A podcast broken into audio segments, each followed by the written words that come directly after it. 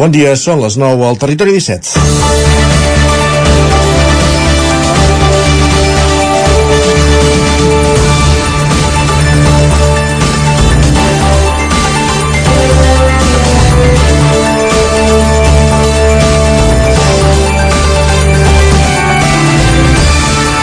És una polèmica estèril que emergeix cada cop que hi ha eleccions, però sobretot quan s'han de constituir els nous consistoris. És el nostre, el nostre és un sistema electoral indirecte. Això vol dir que els electors, quan anem a votar, no escollim un càrrec, en aquest cas qui serà l'alcalde, sinó que triem uns representants que posteriorment decidiran l'alcalde d'acord amb els pactes i aliances que, s'han tancat entre les eleccions i el ple d'investidura. Per això, que no governi la força més votada i ho facin altres forces que sumin majoria absoluta és tan legítim com sí, i, com sí que ho facin. Ha passat a Barcelona amb Xavier Trias, a Tona amb Josep Salom, a Sant Eugeni amb Xavier Fernández o a Callatenes amb Mirena Puigdescens. Qui apela a la voluntat dels votants per defensar una decisió o l'altra no és més que una expressió sense sentit. Els votants ja van escollir uns representants que es van presentar a unes llistes tancades amb un programa electoral i són aquests regidors els que han d'acabar de formalitzar un govern teixint acords i aliances. Cal, però, que aquests acords siguin al màxim de transparents i es facin públics tots els detalls perquè la gent els pugui entendre. En cas contrari, hi ha risc d'augmentar la desafecció política dels ciutadans que en aquestes eleccions s'ha manifestat en una elevada abstenció i que resumeix en la frase pronunciada dissabte per Xavier Trias que els bombin que ha fet fortuna. A Ripoll la situació és diferent. S'ha criticat la incapacitat de partits com Junts, Esquerra, PSC i la CUP d'arribar a un mínim d'acord per teixir un pacte que impedís que Aliança Catalana, una formació que ha fet un discurs clarament xenòfob proper al de l'extrema dreta, acabi governant. Sílvia Oriols va obtenir el 30% dels vots, però la suma de tota la resta de formacions arribaria gairebé al 70%.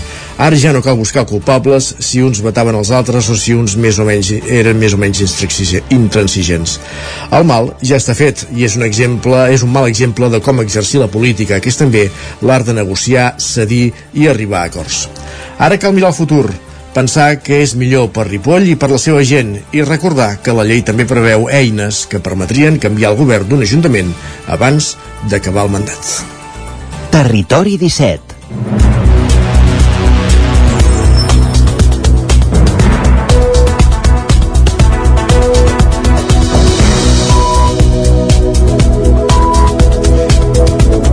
És dilluns 19 de juny de 2023, el moment de començar el territori 17, a la sintonia de, del 9 FM, a la veu de Sant Joan, Ràdio Cardedeu, Ona Codinenca, Ràdio Vic, i també ens podeu veure, ja ho sabeu, a través de Twitch, YouTube, el 9 TV, i la xarxa més. El magazín, el Territori 17, volem dir el magazín de les comarques del Vallès Oriental, l'Osona, el Ripollès i el Moianès, que us fa companyia cada matí durant dues hores i el que fem tot seguit eh, és avançar-vos el contingut, el menú del dia del programa d'avui. Què farem al llarg d'aquestes dues hores?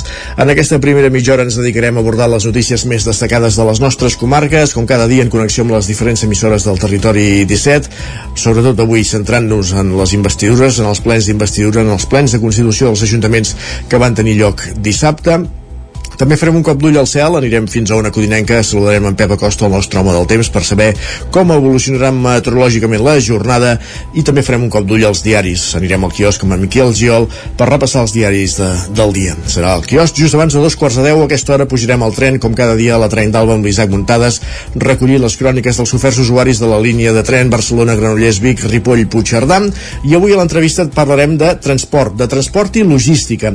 Conversarem amb Jaume Noguer, director de l'empresa NTL Trans de Vic i president de Transloc, la nova associació d'empreses de transport i logística d'Osona. Explicarem els objectius, conversem amb ells sobre els objectius d'aquesta nova associació, d'aquesta nova entitat, Transloc, Osona. Els solidaris, abans de les 10, avui amb la Laura Serrat conversarem coneixerem l'associació Irai del Coll Cabra de l'Esquirol, més concretament. Al punt de les 10, notícies, la previsió del temps, i a partir d'aquesta setmana i fins a acabar la temporada, els blocs que dedicàvem als esports cada dilluns i cada divendres, repassant resultats i repassant l'agenda del cap de setmana, tenint en compte que ja no hi ha competició federada, el que farem serà aprofundir en gestes, en, en coses que hagin passat al llarg d'aquesta temporada, conversem amb els protagonistes de, les, de la temporada, els, les diferents, els diferents entorns de les emissores del territori 17 i avui començarem d'aniversari celebrant el 50è aniversari de la penya barcelonista de Sant Joan de les Abadesses i, i escoltant una conversa que mantenia en Joan Garcia des de la veu de Sant Joan amb el seu president Josep Sorinyac i un altre dels membres de la Junta, en Joan Moró. A partir de dos quarts de deu ens endinsem al món de Twitter amb en Guillem Sánchez recollint les pilades més destacades de, de les darreres hores i acabarem el programa fent tertúlia esportiva com cada setmana amb els tertulians habituals. Passen 5 minuts de les 9 al matí. Aquest és el menú del Territori 17 d'aquest matí de dilluns i el que fem tot seguit és posar-nos en dansa, com dèiem, repassant les notícies del Territori 17, les notícies de les nostres comarques, les notícies del Vallès Oriental, Osona, el Ripollès, el Moianès i el Lluçanès. business. Sílvia Oriols, d'Aliança Catalana, és la nova alcaldessa de Ripoll després del fracàs del cordó sanitari o de l'acord alternatiu que impulsaven les forces d'Esquerra i que no va comptar amb el suport de Junts per Catalunya. Isaac Muntades des de la veu de Sant Joan. El cordó sanitari va fracassar i la líder d'Aliança Catalana, Sílvia Oriols, es va convertir en la nova alcaldessa de Ripoll en el ple d'investidura d'aquest dissabte. Les negociacions entre Junts i les tres formacions que van impulsar el pacte d'esquerres, Esquerra Republicana, el PSC i l'Alternativa per Ripoll CUP, van arribar trencades el dissabte. Tot i la candidata republicana Chantal Chantal Pérez va obtenir 7 vots de les formacions d'esquerres per només 6 de Sílvia Oriols, com que no va aconseguir la majoria absoluta al plenari, la líder d'Aliança va esdevenir alcaldessa automàticament en ser la força més votada. La cap de llista de Junts per Ripoll, Manoli Vega, va decidir votar-se ella mateixa, acabant amb els tres suports del seu partit, mentre que Joaquim Colomer, dels independents de Som i Ripoll, va votar en blanc. La nova alcaldessa de Ripoll va carregar contra el cordó sanitari que li han fet aquest mandat o la immigració musulmana i dient que els anteriors governs no havien fet res per evitar la decadència del municipi. Això sí, quan li va tocar fer el discurs com a alcaldessa va moderar el to Donar-me suport és un risc, un risc de ser estigmatitzat i per tant té doble mèrit. Vull fer una crida a la calma perquè Ripoll no tindrà cap govern d'extrema dreta. Governarem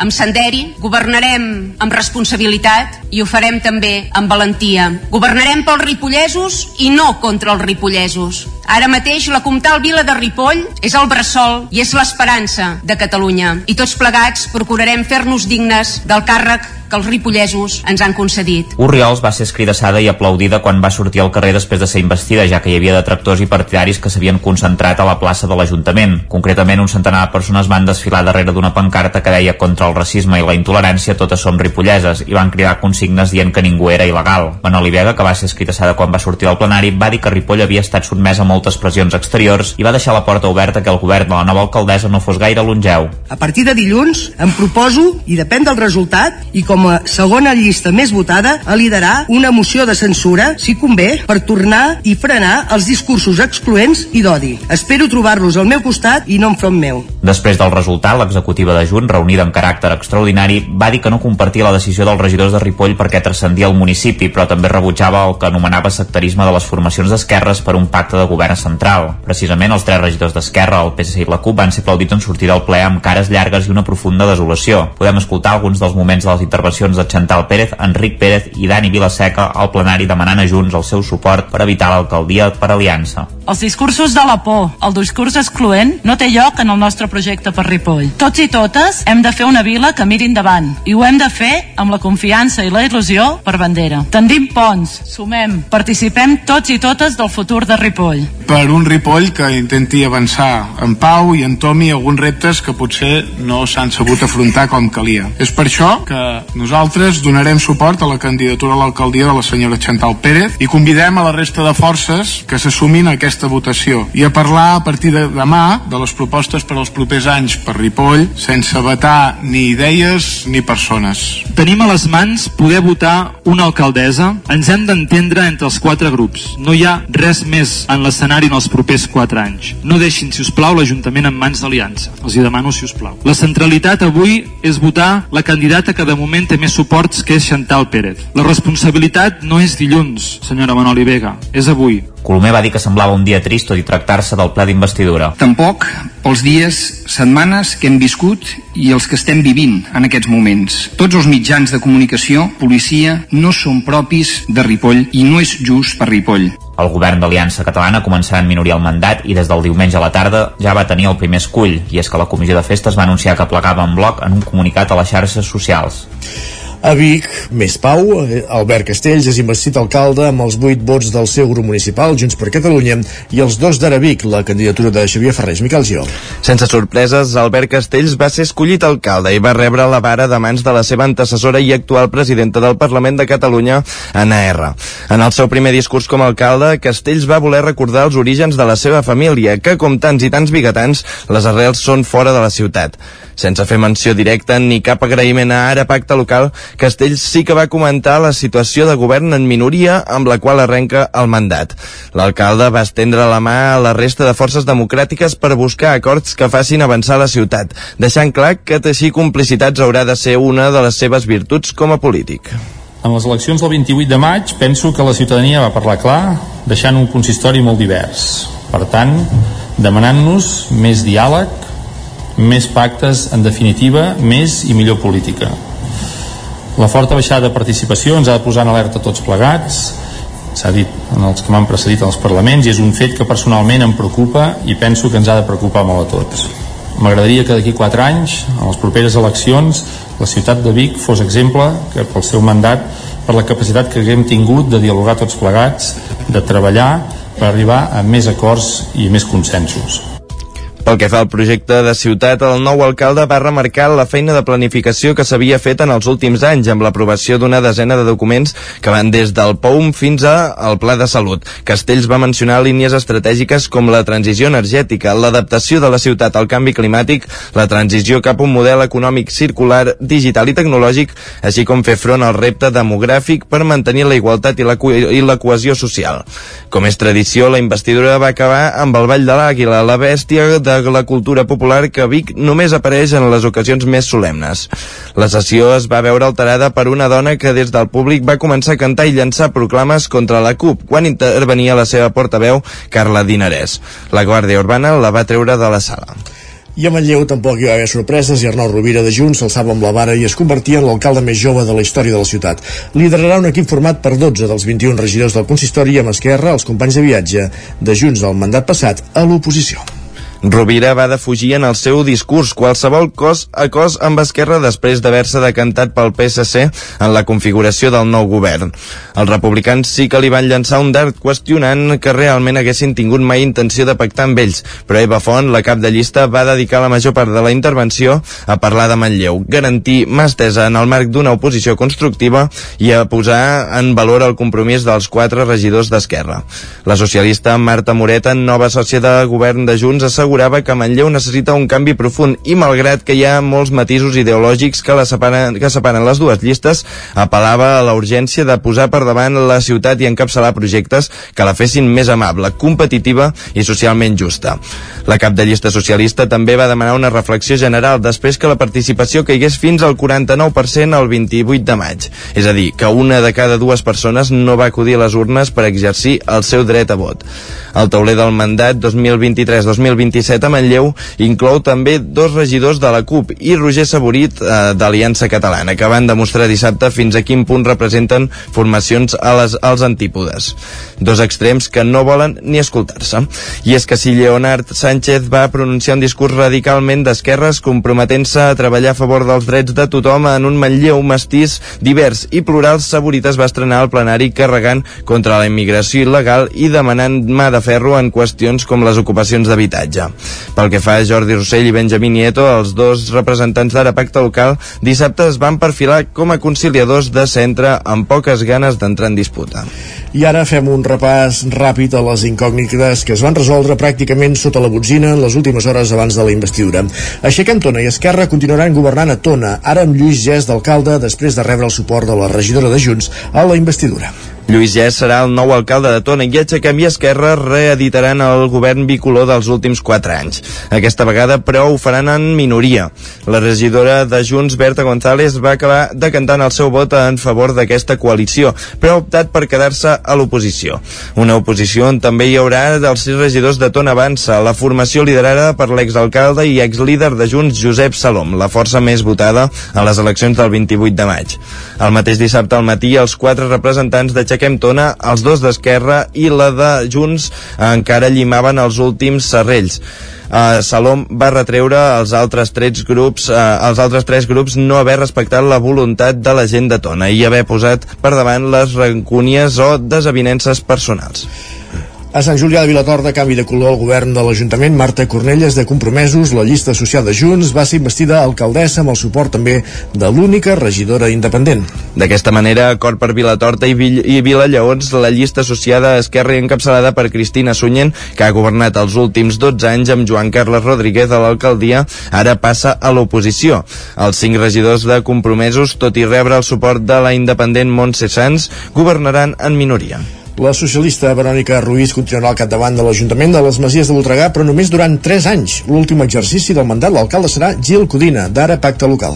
Codina tenia la clau de la governabilitat i rebia pressions de Junts i Som Voltregà, que sumaven 5 regidors, 4 de Junts i un de la llista associada a Esquerra per fer un govern alternatiu a la llista associada al PSC.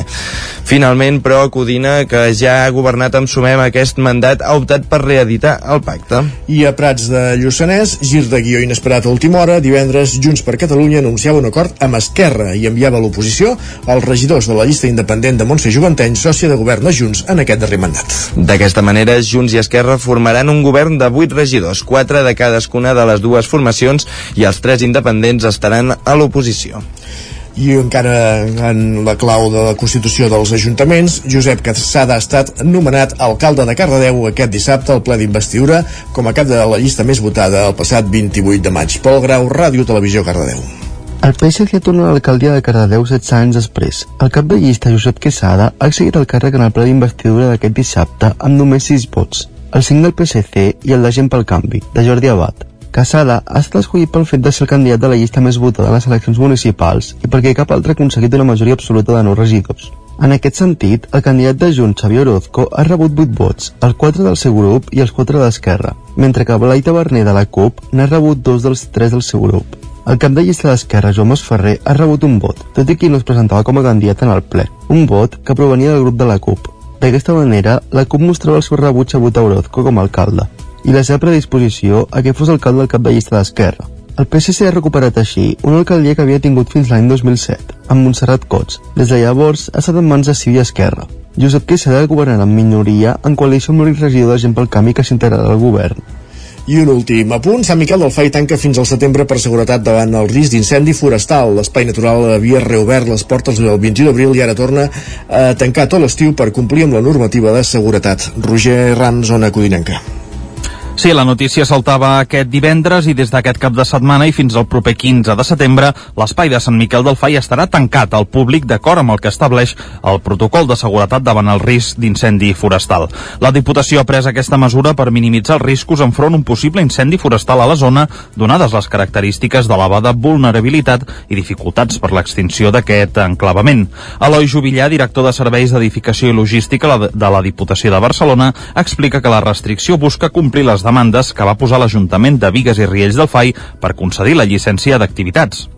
Els pactes als quals vam arribar amb l'Ajuntament de Vigues era que havien d'establir un seguit de mesures extraordinàries per poder gaudir aquest espai natural, que és un cul de sac i que té moltes complicacions de, de sortides d'evacuació d'emergència, que era que en el període de més risc d'incendi, tal com diu el decret de la Generalitat, aquest espai havia de romandre tancat. Aquestes restriccions venen condicionades, com dèiem, per la normativa que aplica l'Ajuntament de Vigues i Riells per concedir la llicència d'activitats a Sant Miquel. Durant l'any no es pot obrir si les comarques del Vallès Oriental o bé del Moianès tenen activat el Pla Alfa nivell 2 o 3 i tampoc no es pot obrir els mesos de més risc d'incendi. Jubillà explica que a partir de la tardor es començaran a fer les inversions a aquest equipament de previsió d'incendis per complir els acords de la llicència d'usos que marca el consistori de Vigues ficarem noves mesures ja estructurals en el recinte, farem una, una columna seca, que és com una mena de, de xarxa d'hidrants, perquè ens entenguem, no? I mm -hmm. això segurament, entre això i un nou dipòsit d'aigua, ens permetrà poder obrir en temporades amb calor més extrema. L'obertura de l'espai de Sant Miquel, doncs, queda condicionat per les condicions meteorològiques. Si aquestes ho permeten, Sant Miquel tornarà a obrir les visites al cap de setmana del 16 i el 17 de setembre. Gràcies, Roger. Acabem aquí aquest repàs informatiu que començàvem al punt de les 9 en companyia de Roger Rams, Isaac Muntades, Miquel Giol i Pol Grau. És moment al territori 17 de saludar el nostre home del temps, en Pep Acosta. I per tant el que fem és tornar a una codinenca on ja ens espera.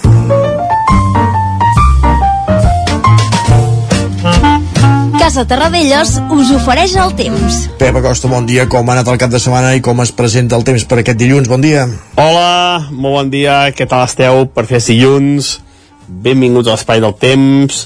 Setmana important, l'última sencera del mes de juny. També és una setmana important perquè canviem d'estació. Dimecres passem de la primavera a l'estiu i setmana important perquè es va consolidar la calor, es va consolidar el sol i les altes temperatures. El cap de setmana, ahir hi va haver més núvols del previst, eh, alguna pluja, eh, cap a les comarques poca cosa, o més va ploure cap a Ponent, cap a l'oest de, de Catalunya, per les comarques va ploure bastant, eh, bastant poc. Eh, a part d'ahir, tampoc n'hi ha hagut molt, molt, molt, molt moviment meteorològic, i el sol, la calor eh, van ser els protagonistes eh, de, del temps i és que és normal, eh? estem ja gairebé l'estiu estem en els dies on hi ha més hores de llum solar els dies on, on ha de fer més i més eh, calor. Per tant és molt molt normal eh, aquesta, aquest temps aquests dies. I avui no serà una excepció. Eh, ja comencem amb valors alts, més de 20 graus, algun punt del peritoral, eh, i entre 15 i 20 a la majoria de les poblacions, eh, només per sota eh, dels 15 graus a zones més fredes de, de l'interior i també, òbviament, cap al Pirineu. Serà un dia amb forces núvols, un dia amb mala visibilitat, eh, tenim aquesta, aquesta posa en suspensió, provinent de, de, del desert del Sàhara i aquesta pols en suspensió serà bastant protagonista el dia d'avui. És per això que hi ha aquesta mala visibilitat. Uh, a partir del migdia de la tarda, que això una nuvolada, no es descarten quatre gotes cap a zona del Pirineu, uh, molt, molt poca cosa, i si es que diuen a caure, uh, serà això, eh? molt poca cosa, hi ha possibilitat, però no és segur que arribi a ploure. Als altres, als altres, als altres llocs de les comarques també que seran les nuvolades però en principi no deixaran precipitació. O més pot ploure és com deia cap a la zona del Pirineu les temperatures més altes que les d'ahir. El dissabte vam tenir molta calor ahir va baixar una mica i avui tornaran a pujar les temperatures. La majoria màximes entre els 27 i els 31-32 graus, per temperatures altes, temperatures normals per l'època de l'any, temperatures com han de ser. I això és tot, a disfrutar el dia d'avui, un dia, com dèiem, amb mala visibilitat, amb calor i amb quatre gotes a la tarda que a caure cap a la zona de muntanya del Pirineu. Moltes gràcies, adeu. Doncs ja tornem a trobar a faltar la pluja, eh, Pep? Va, parlem de, parlem de quina estona avui dir. Gràcies. Casa Tarradellas us ha ofert aquest espai. I ràpidament anem cap al quiosc, és moment de repassar els diaris del dia.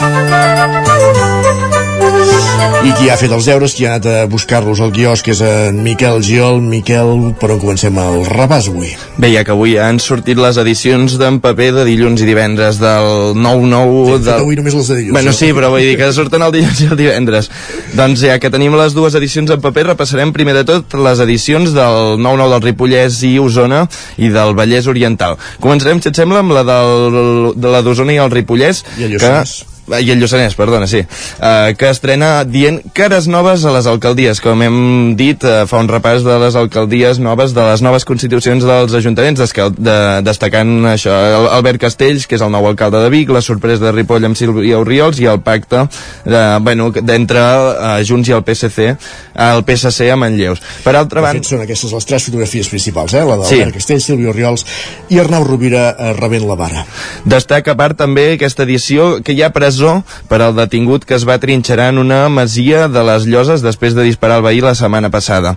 També destaca que rescaten un home que s'havia menjat una planta tòxica, la Tora Blava, en una travessa entre Núria i Caralps, eh, allà la, al Ripollès. I per acabar també destaca el Cabró Rock, eh, després d'haver eh, tingut aquest festival tan intens aquest cap de setmana i que ha portat a tanta, tanta gent aquí a gaudir de la música en català. Ho dius per experiència pròpia, això d'intens? Sí, sí, sí, ja, sí va, va, ser un, va ser un festival molt xulo que hi vaig poder participar per sort. Molt bé. Passant al Vallès Oriental, eh, destaquen que el PSC eh, suma 10 de les 39 alcaldies del Vallès Oriental. Junts n'aconsegueix 10, Esquerra 9 i els independents 8. I també aprofita per fer un repàs de les alcaldies més destacades o els pobles amb més... Eh, el, el, els pobles on hi ha hagut eh, més eh, inconvenients o, o, o més problemes a l'hora de determinar les alcaldies. També destaca que Gran Centre Granollers està satisfet amb el nou Open eh, diurn també que les químiques ballesanes exploren fórmules de col·laboració i que la festa castellera a Parets amb, eh, hi haurà una, perdó, que hi haurà una festa castellera a Parets amb les cinc colles de la comarca. Ràpidament tenim dos minuts per repassar la resta de portades. Passem amb l'ara, que obre amb Feijó qualifica l'operació Collboni de política d'estat. El dirigents de Junts res revela que Collboni, que Collboni li va oferir repartir-se el càrrec i ser alcalde dos anys cadascú. Per altra banda, també destaca les farmacèutiques catalanes surten a l'estranger per a comprar per créixer. El Mirall Esteve i Uriac busquen activament l'adquisició d'empreses. Passant a l'avantguàrdia, destaquen Blinken arriba a Pequín per mirar de rebaixar la tensió entre els, els Estats Units d'Amèrica i la Xina. El secretari d'Estat espera poder reunir-se amb Xi Jinping i també eh, parlant d'esports que el Barça guanya el segon assalt al Real Madrid de bàsquet. Uh mhm, -huh. Parlarem a la tertúlia esportiva. Més coses. Passant al punt avui, eh, destaquen en marxa la llista cívica. L'ANC activa la proposta de presentar una candidatura en les eleccions catalanes. Eh, l'entitat en facilitarà la creació, però no hi participarà perquè no vol ser un partit. També destaca en el plàstic inunda la costa catalana. Els vaixells d'arrossegament tornen amb deixalles llançades al mar en un 97% dels viatges. Passant també ja ara al periòdico, destaquen desterrament per als agressors del Màgic. La comunitat gitana de Sant Roc a Badalona allunya del barri els menors acusats de violador i també que, de violadors uh, i que uh, la UE, la Unió Europea, tancarà la platja del fòrum si aquest estiu no es frena la contaminació. Tenim 20 segons, no sé si hi ha algun titular de la premsa d'Amèrica vulguis destacar. Uh, L'ABC uh, d'Espanya destaca Espanya se alça uh, amb un títol oficial 11 sí. anys després, després d'empatar amb Croàcia i, vendre, i vèncer-los en els penals. La Copa de les Nacions. Gràcies, Miquel. Fem una pausa i tornem d'aquí 3 minuts. Fins ara mateix. El nou FM, la ràdio de casa, al 92.8. Davant l'escassetat hídrica, fem un consum responsable de l'aigua, perquè cada gota que estalviem serà una gota més per al planeta. No et quedis sec. Tanca l'aixeta. Akbar amb tu.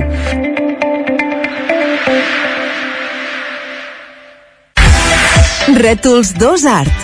Experts en comunicació visual, rètols, banderoles, vinils, impressió, plaques gravades, pancartes, senyalització, displays... Rètols 2 Art. Més de 30 anys al vostre servei. Ens trobareu a la carretera de Vic a Olot número 7, al polígon Les Casasses de Vic, dosartvic.com, telèfon 93 889 2588. Quan tingui un problema amb la seva caldera, vagi directament a la solució. Truqui sempre al servei tècnic oficial de Saunier Duval i despreocupis, perquè som fabricants i coneixem les nostres calderes peça a peça. I ara aconseguiu fins a 250 euros en canviar la caldera. Informeu-vos al 910 77 10 50 o a saunierduval.es. Ok, la universitat és esforç. Dormir poc, superar reptes. Però a la UBIC també és aprendre les millors instal·lacions, traspassar els teus límits i volar ben lluny. Estàs a punt per començar la millor època de la teva vida? Escriu-nos i parlem del teu futur. ubic.cat barra cadem. Ja tenim aquí la rebella de Sant Joan. Prepara't! A Manli seleccionem el millor en pirotècnia, bateries, bengales, trons, coets, els millors preus, ofertes tots els dies de rebella i tot l'any. Visiteu el catàleg a manli.cat. Manli, al carrer Ramon Soler, telèfon 93 889 0484. Vic, Sant Joan, ja és aquí. Per moure't, lloga un cotxe ALR. Per moure la família, lloga un minibús ALR. Per moure coses, lloga una furgoneta ALR. Per moure la casa, lloga un camió ALR. Lloguer de cotxes, furgonetes i camions ALR. Ens trobaràs al carrer Francesc Sant Climent 83 de Vic i també a Olot i Manresa. Informa't en el 93 888 60 57 o bé consulta el web alr.cat. Ser a prop vol dir veure les coses més bé. Apropa't al que t'interessa amb la xarxa Més. La teva plataforma audiovisual de qualitat, proximitat i gratuïta. Gaudeix dels continguts de més de 30 televisions locals i podcast quan, com i on tu vulguis. Entra a la xarxa més.cat i descarrega't l'app. Anuncia't al 9FM. La màquina de casa. 9 3 8 8 9 4 9 4 9. Publicitat arroba al 9FM.cat. Anuncia't al 9FM. La publicitat més eficaç. Territori 17.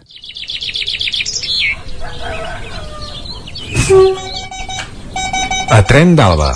Cada dia els usuaris i usuàries de la línia R3 de Rodalies que veuen sortir el sol des d'un vagó ens expliquen les gràcies i les penes del primer comboi que uneix Ripoll i Barcelona o les feixugues jornades amb el tren després de treballar. Benvinguts a Tren d'Alba. Doncs escoltem en Jordi Valls, que avui ens explica com ha començat l'última setmana d'escola pels nens abans de les vacances d'estiu i de la rebella de Sant Joan. Bon dia i bona calor, sóc en Jordi de Centelles. Avui el tren ha arribat uns 4 minutets tard, prou bé, eh? Es nota que va de baixar d'això de la gent que estudia. Va de baixar de la gent això que estudia, però va de pujar de l'estrès de les famílies, final de curs de l'escola, final de sisè de l'AMPA, que és com una bogeria, eh, final del casal, de les extraescolars, tot és final, tot és final. Veus, avui parlàvem amb les meves companyes del tren que van amunt i avall, caps de setmana d'estrès absolut. Aquest cap de setmana, divendres, pobres, anaven explicant aventures de ara estava aquí, al cap d'una hora estava allà, havia de coordinar no sé què, bé, què us he d'explicar? Els que ja tenim la canalla més gran, doncs, mireu, això ja ho hem passat, tot passa, tot passa. Després ho trobem a faltar perquè també és una vida social que a vegades, ai, ve de gust, no? Canviar una miqueta el paisatge i amb famílies i tal, no ho sé, deu ser que sóc molt sociable i m'agrada molt trobar-me amb gent i xerrar i escoltar històries diferents. Bueno, comença l'última setmana d'escola, molts ànims a tothom, Uh, les, els i les mestres sabem que encara els hi queda una miqueta de temps i anem encarant cap a l'estiu. Vinga, cuideu-vos molt, adeu-siau. I avui en Jordi ja ens ha confirmat que va agafar l'acte de regidor a Centelles pel PSC, que hi governarà amb majoria absoluta. Ara li feia broma que li tocarà fer una moció de censura al seu propi alcalde si no aconsegueixen millores a l'R3. En fi, segur que farà una gran tasca per Rodalies. Va, ens retrobem demà amb més històries del tren i de l'R3. Territori 17, el 9 FM, la veu de Sant Joan, Ona Codinenca, Ràdio Cardedeu, Territori 17.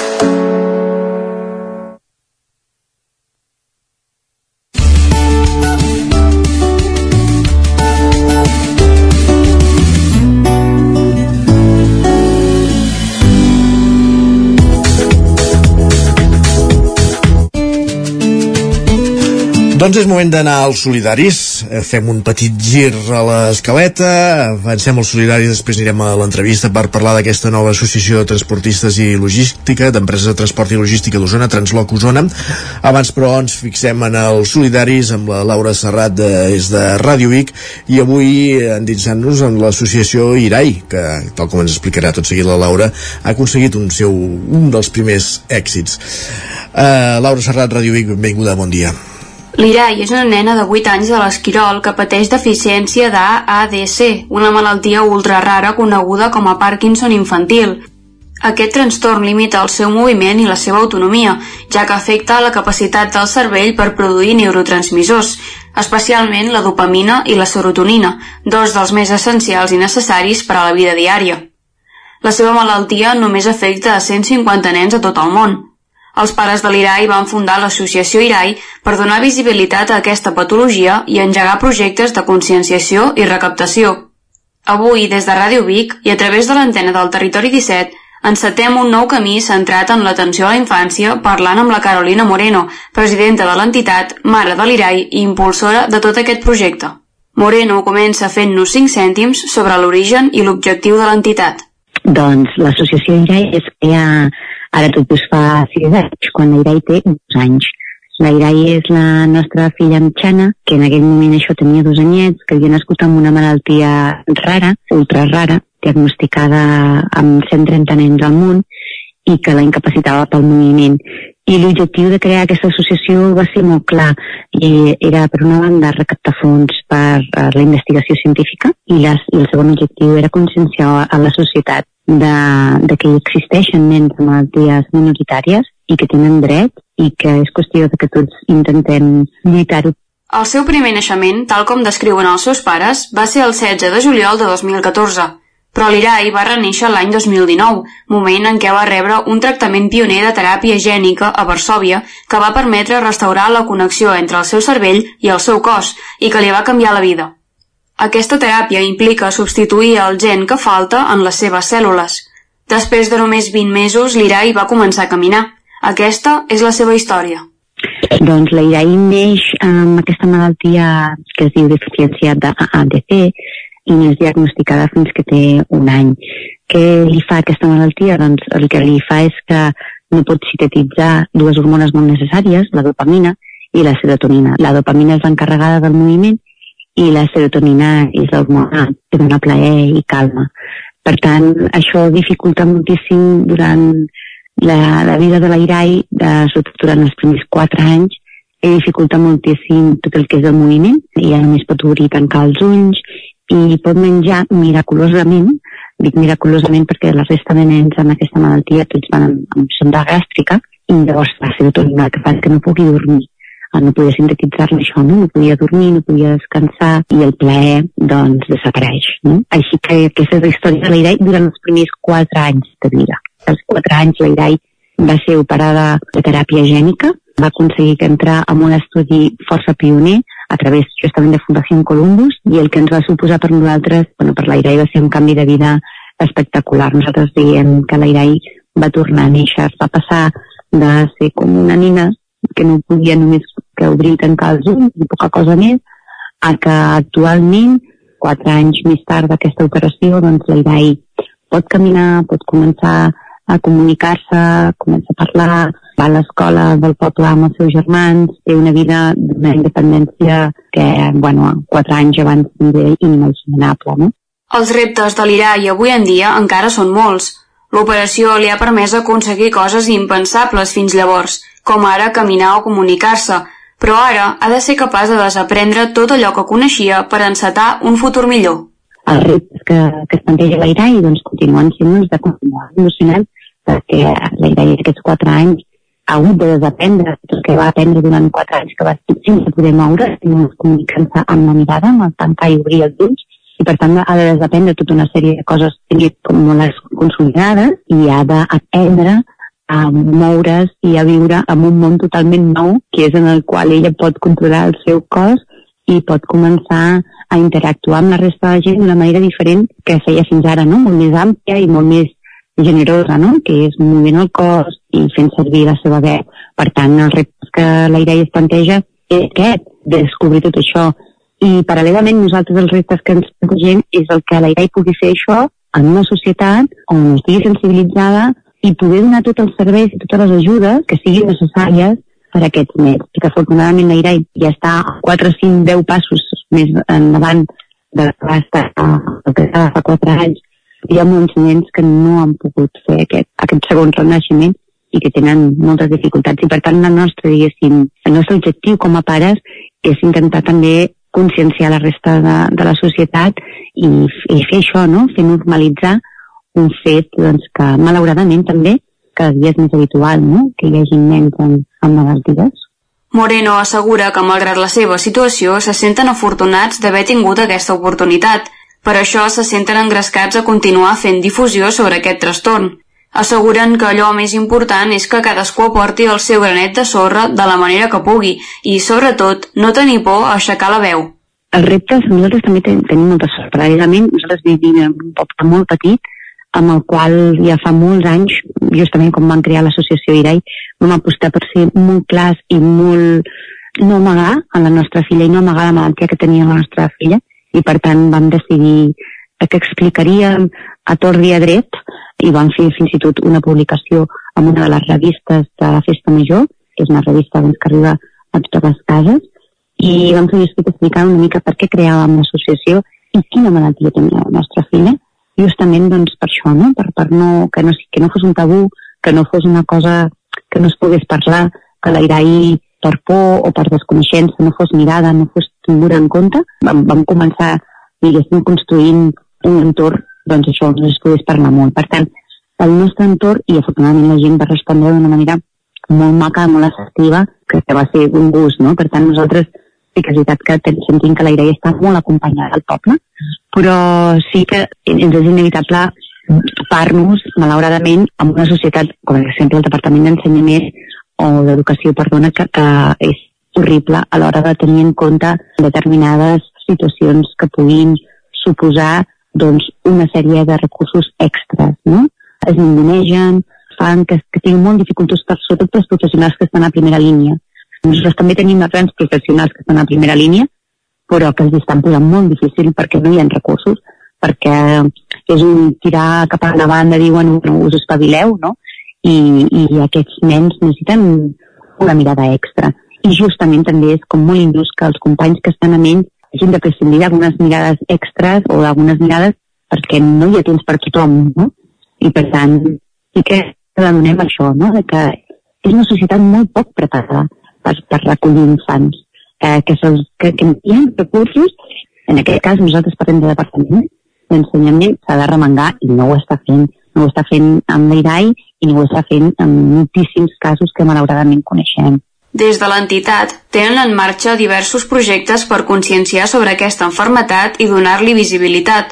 La més important, tal com explica Moreno, és el Clixacabra, una exposició de figuretes de joguina Playmobil que s'organitza cada any a l'Esquirol. Sobretot el Clixacabra, que és una cosa que està com molt consolidada, i arran d'això doncs, continuem donant veu no? a, a aquestes històries i sobretot aquest acompanyament perquè la gent sàpiga que no està sola i que malauradament no són els nens els únics, aquests nens que, que neixen amb, amb malalties i que són situacions molt difícils. Per tant, per això també faig escriure un llibre que es diu Ara sí, t'estimo tal com ets, que és una mica el procés d'acceptació de tenir una nena amb una malaltia molt dura i, i que necessita molt acompanyament no?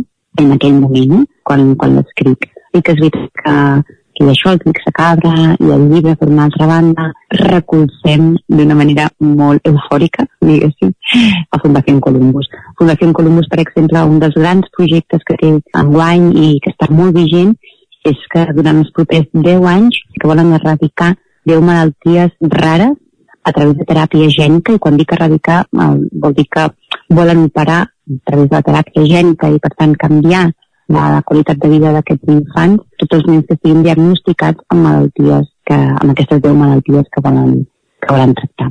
La seva tasca se centra en la informació i la pedagogia. Aquells ingressos que puguin aconseguir a través dels seus projectes es dirigeixen a la Fundació Columbus.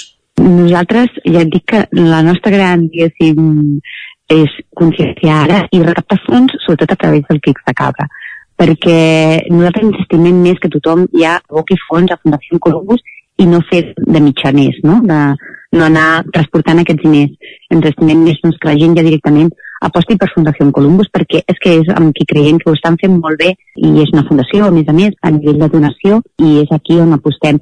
L'associació IRAI s'ha quedat més en la part més d'això, no? de conscienciació, de donar renom, de parlar-ne, de fer doncs, aquesta difusió i aquest acompanyament de petit comitè. No?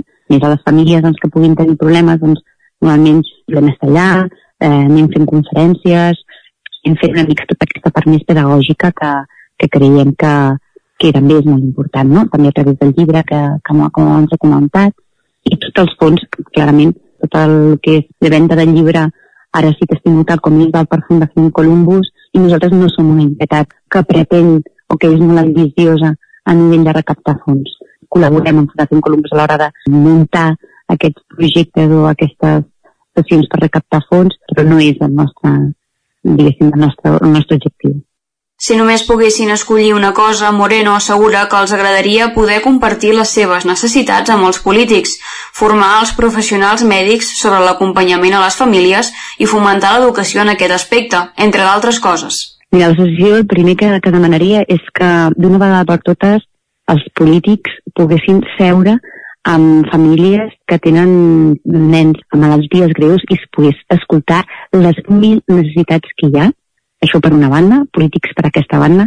En sanitat també s'haurien i també parlaríem de les maneres en com tractar i com acompanyar amb persones, amb famílies i sobretot el, les primeres vegades quan, quan s'explica, perquè sí que és veritat que, que cada cop hi ha metges i metgeses que estan més conscienciades, però malauradament encara n'hi ha que no, no? I no es forma això a les, a les carreres universitàries de, de metges no es dona lloc per com acompanyar o com fer un traspàs d'informació. També, per exemple, a nivell d'ajuts, que, això aniria molt relacionat amb els polítics i, i sobretot amb, amb educació, no? que, també, que també aniria molt relacionat amb polítics. I per l'altra banda, per la part de la societat, fer visible, fer visible a través, per exemple, doncs això, ara últimament les curses adaptades estan, estan donant una canxa molt ampla a poder parlar-ne i a poder que els nens puguin estar amb altres nens, però hi ha molt pocs espais on els nens amb discapacitats, amb dificultats, puguin conviure amb altres nens. Hi ha molt pocs espais amb, amb aquest tipus. I això també passa, per exemple, perquè els ajuntaments facin uns parcs infantils adaptats per a tothom. És vergonyós, per exemple, que, que a Barcelona hi hagi tan poquíssims parcs infantils adaptats. I a més a més, poder conviure, no? poder, poder que els nens estiguin tots junts, perquè tots tenen els mateixos drets, no? I bàsicament hi ha tants fronts oberts que no, que no sabria per intentar fer pinzellades de tres o quatre que, que se'n venen ara mateix al cap. De cara al futur prefereixen anar pas a pas i no planificar massa endavant, però el que sí que tenen clar és quin seria el seu futur ideal, que els seus fills siguin feliços. És molt difícil fer plantejaments de futur. La hi arribarà on ella vulgui arribar i eh, com a pares l'única cosa que, que volem és que els nostres fills siguin feliços. No m'agrada fer plans de futur amb els altres fills, amb l'Irai no, no, no volem no, no som d'imaginar-los ens, ens imaginem feliços però no sabem concretar res més.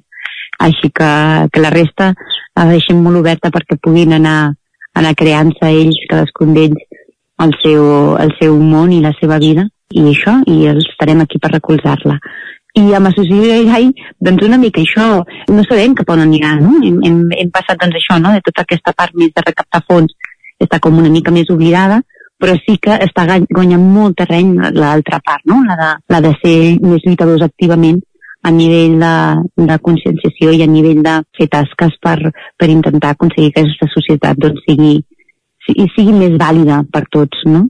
I, i bàsicament anem, anem per aquí. A través del seu treball incansable, els pares de l'IRAI i l'associació han aconseguit no només donar visibilitat a la deficiència d'AADC, sinó també inspirar a altres famílies a no rendir-se mai. Des d'un poble petit s'han convertit en un far d'esperança i una veu per fomentar la investigació i l'avenç en aquest camp.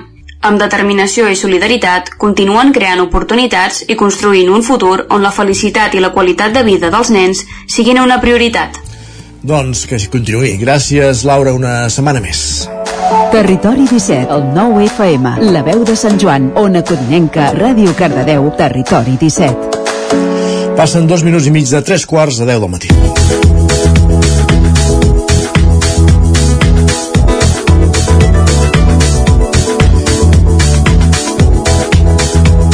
I ara sí, ho explicàvem a l'inici del programa, la setmana passada es presentava aquesta nova associació, Transloc Osona, formada per sis empreses de transport i logística de la comarca d'Osona i també l'Institut de Vic, ara sabrem el per què, s'hi afegeix també l'Institut en aquesta associació que vol exercir de lobby de les empreses de, de transport i logística de la comarca d'Osona i consolidar aquest espai com la tercera corona metropolitana logística. Per parlar de tot plegat ens acompanya en Jaume Noguer, que és el president d'aquesta entitat i també és el director d'una de les empreses fundadores, NT La Trans de Vic. Jaume Noguer, benvingut, bon dia. Bon dia. primer de tot comentàvem això, eh, que s'ha creat aquesta nova associació, eh, eh, Transloc Osona, una mica amb quina finalitat, quins són els objectius? Home, nosaltres eh, tenim diversos objectius. Primer és millorar la competitivitat i la cooperació de les empreses del sector. Segon, visibilitzar el sector i potenciar el zona com un hub logístic. Entenem que volem ser la tercera corona. La primera és Barcelona o Barcelonès, la segona és el Vallès i, i ara ens toca les comarques de l'interior de Catalunya, entre elles Osona.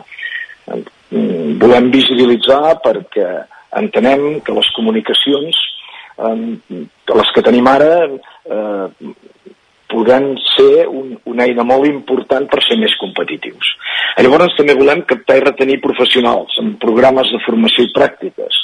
Eh, és evident que l'institut és una eina molt important eh, perquè per captar talent el tens d'anar a buscar i, i, i, i allà estem fent programes de, de, de transport i logística de, de grau mig, de grau superior i, i aquí és el que estem treballant. Quan diem captar i retenir professionals, un dels problemes que tenim són els xòfers. Afortunadament, eh, avui tenim que hi ha la Generalitat dels cinc simuladors que han donat de camions eh, a les quatre capitals, un vindrà aquí Vic, falta instal·lar-ho, però vol dir que ja tindrem una eina, més la formació que donarem, etc etc. si som capaços d'engrescar aquesta nova generació de, de, de nois i noies que vulguin treballar per, per ser conductors. Uh -huh. uh, Hem fet durant la pandèmia un sector estratègic i volem eh, i que se'ns va valorar molt i volem continuar sent un sector estratègic Està i clar. que, que se'ns torni a valorar molt. Uh -huh.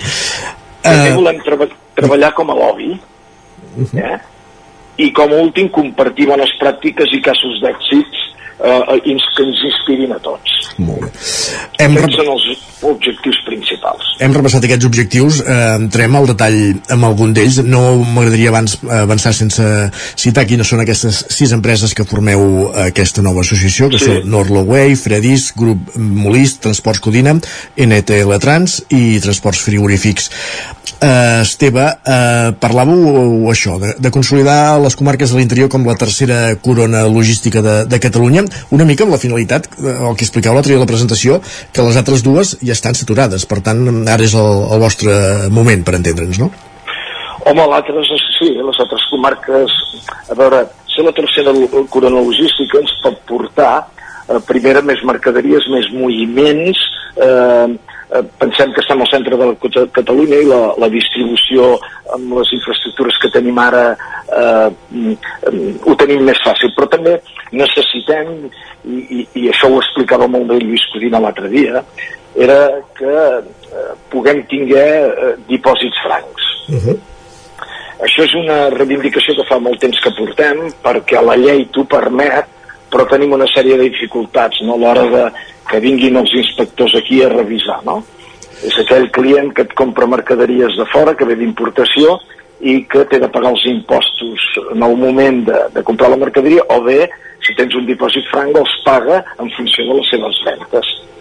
És a dir, que això et fa ser que tant sobretot els clients puguin ser més, més, més competitius.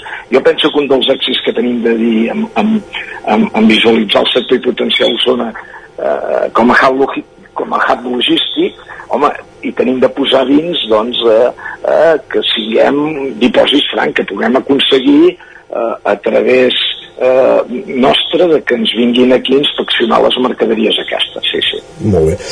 Una altra qüestió, abans hi la citaves, és la, la falta de, de professionals, la falta de xofers, de transportistes, de camioners, de conductors, eh, i, i aquí és quan comentaves que, que entra eh, en acció l'Institut de Vic, que ja té aquests, aquests dos graus, un mitjà i un superior de transport i logística, però eh, la qüestió és que falta motivar no? persones que, que vulguin dedicar-se a aquest sector se'n van jubilant i no n'entren de nous, explicau l'altre dia Sí, és cert a veure, aquí cal distingir diversos tipus de conductors eh? potser els que n'hi ha més són els de furgonetes no? -huh. els que nosaltres n'anomenem lleugers aquí és evident que en manquen però no tants, què ens falten? els de xòfers sobretot de llarga distància aquells que marxen un dilluns i no tornen a caps d'un dies, aquest és un, és un tema que, que, que cal saber, i llavors els que en diem de plaça, és a dir, aquests que eh, marxen al matí i tornen al vespre.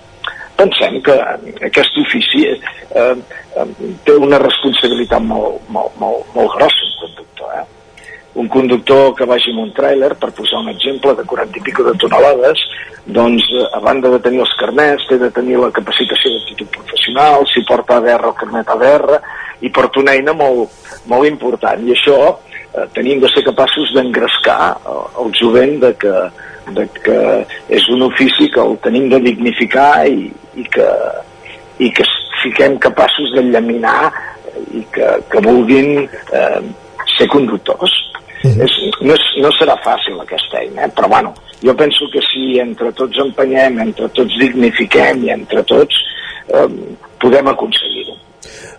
Citava durant la presentació també l'opció que, que, que hi ha posat en pràctica l'empresa de transport segalers, en aquest cas de transport de persones, que, que, que és el, el finançament o el cofinançament de, del que són els carnets de conduir o d'aquest certificat d'actitud del CAP eh, això seria una via també, no? diguéssim, perquè suposo que un escull també són els preus de, de, de la inscripció per fer, per fer aquestes formacions. Sí, eh, eh, estic d'acord, però penseu que això ja, si ve un xòfer em planteja alguna cosa, tu ja, ja les empreses ja estem disposats, ja estem disposats a, a financiar. A més a més, penseu que quan fan el, gra, el, el grau eh, aquí a l'institut, si apuntem gent i, i fan el grau mig, ja se'ls dona la capacitació d'actitud professional. Eh? I a més a més ara, amb aquest aspecte, anirem al programa Insereix, que això va explicar molt ben Cristian Coll de, de l'Institut de Vic, on aquí volem integrar la gent i volem fer que se li pugui donar el carnet i, i sense cost. Uh -huh. és, és una eina de, de, de, és, és una altra barrera que tenim de trencar i la trencarem, sí, sí estic d'acord. I pel que, pel que fa a les condicions laborals, les condicions econòmiques, els, els salaris, eh, són, eh, estan dins d'una normalitat, diguéssim, són, són llocs de treball dignes, es comentava també l'altre dia, no? En aquests casos, diguéssim que, no, que Home, el, problema no, no vindria de... No sé si sabeu, però el sector de, de mercaderies per carretera es fa per convenis provincials, no? Uh -huh. I els convenis més alts de l'estat espanyol, primer és Bilbao i després és Barcelona per tant, els, jo diria que és, sí, és un sou digne i no, no, no podríem pas dir el contrari eh?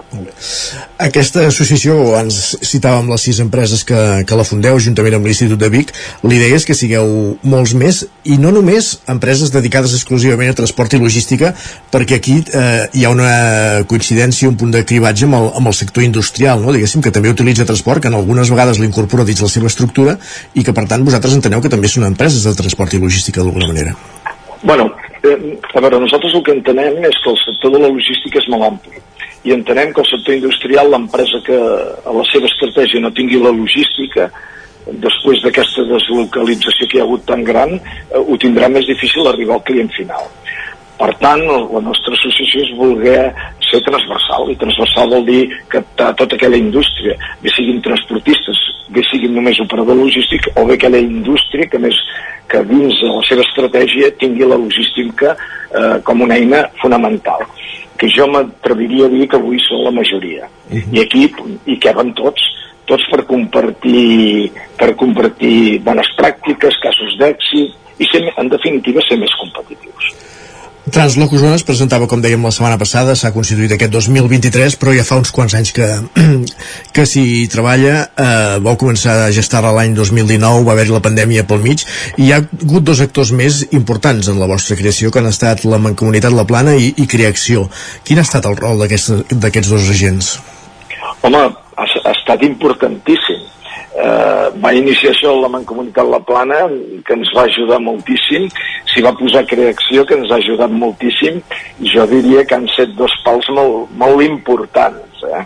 Eh, és a dir, sense ells, primer que l'iniciativa no, no hagués sortit, o hagués sortit més tard, i, i, i, i sense ells eh, no haguéssim tardat 3 anys, sinó que haguéssim tardat més. Uh -huh. Penso que ha estat una eina molt, molt important, tant una com l'altra.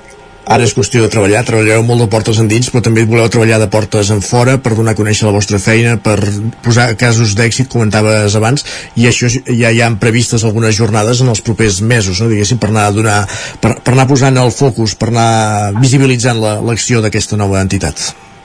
Sí, home, organitzarem esdeveniments per competir bones pràctiques monogràfiques, per exemple, anirem a veure, eh, farem un monogràfic de, dels nous carburants, eh, anirem a veure un, un, aquí a Pons de Molins anirem a veure la, la companyia Calcina Carrer d'aquí final d'any tenim dos o tres per què? perquè és una, és, una, és una empresa on ha fet un pàrquing de camions per, per començar a, plan, a, plantejar ja el multimodal, tren carretera eh, sí, sí, tenim, tenim, tenim esdeveniments que seran interessants eh? no, no, i el gran repte aquest també de reduir la petjada de carboni, eh? com comentaves ara de nous models uh, de carburants. Evidentment, evidentment. Aquí tenim, tenim, també farem un monogràfic. Mira, aquest, el dia 29 assistirem Uh, no sé si tots els membres de la Junta o quasi tots, uh, un esdeveniment que es farà aquí a Terrassa sobre, sobre les noves, els nous vehicles, no? I aquí tenim de veure, perquè ara hi ha un problema, els fabricants de camions, quina tecnologia cap on teniran eh, de moment encara s'està amb, amb, amb el motor dièsel l'Euro 6 però tenim de veure que el futur segurament anirà per l'hidrogen. Tenim de veure aquest el gas que aquí per exemple el de un que està a la, a, a la Junta nosaltres amb, amb l'IS doncs bueno, ja obrirà eh, gasolineres amb, amb gas aquí tindrem tindrem un ventall d'esdeveniments que serà important Jaume Noguer, pre president de Transloc Osona, eh, enhorabona per la creació d'aquesta nova entitat i bona feina a partir d'ara. Moltes gràcies. Jaume Noguer, de Transloc Osona, que ens porta al punt de les 10 aquí, al Territori 17.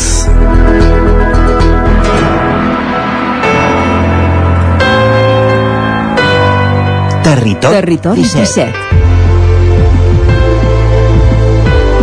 Territori 17.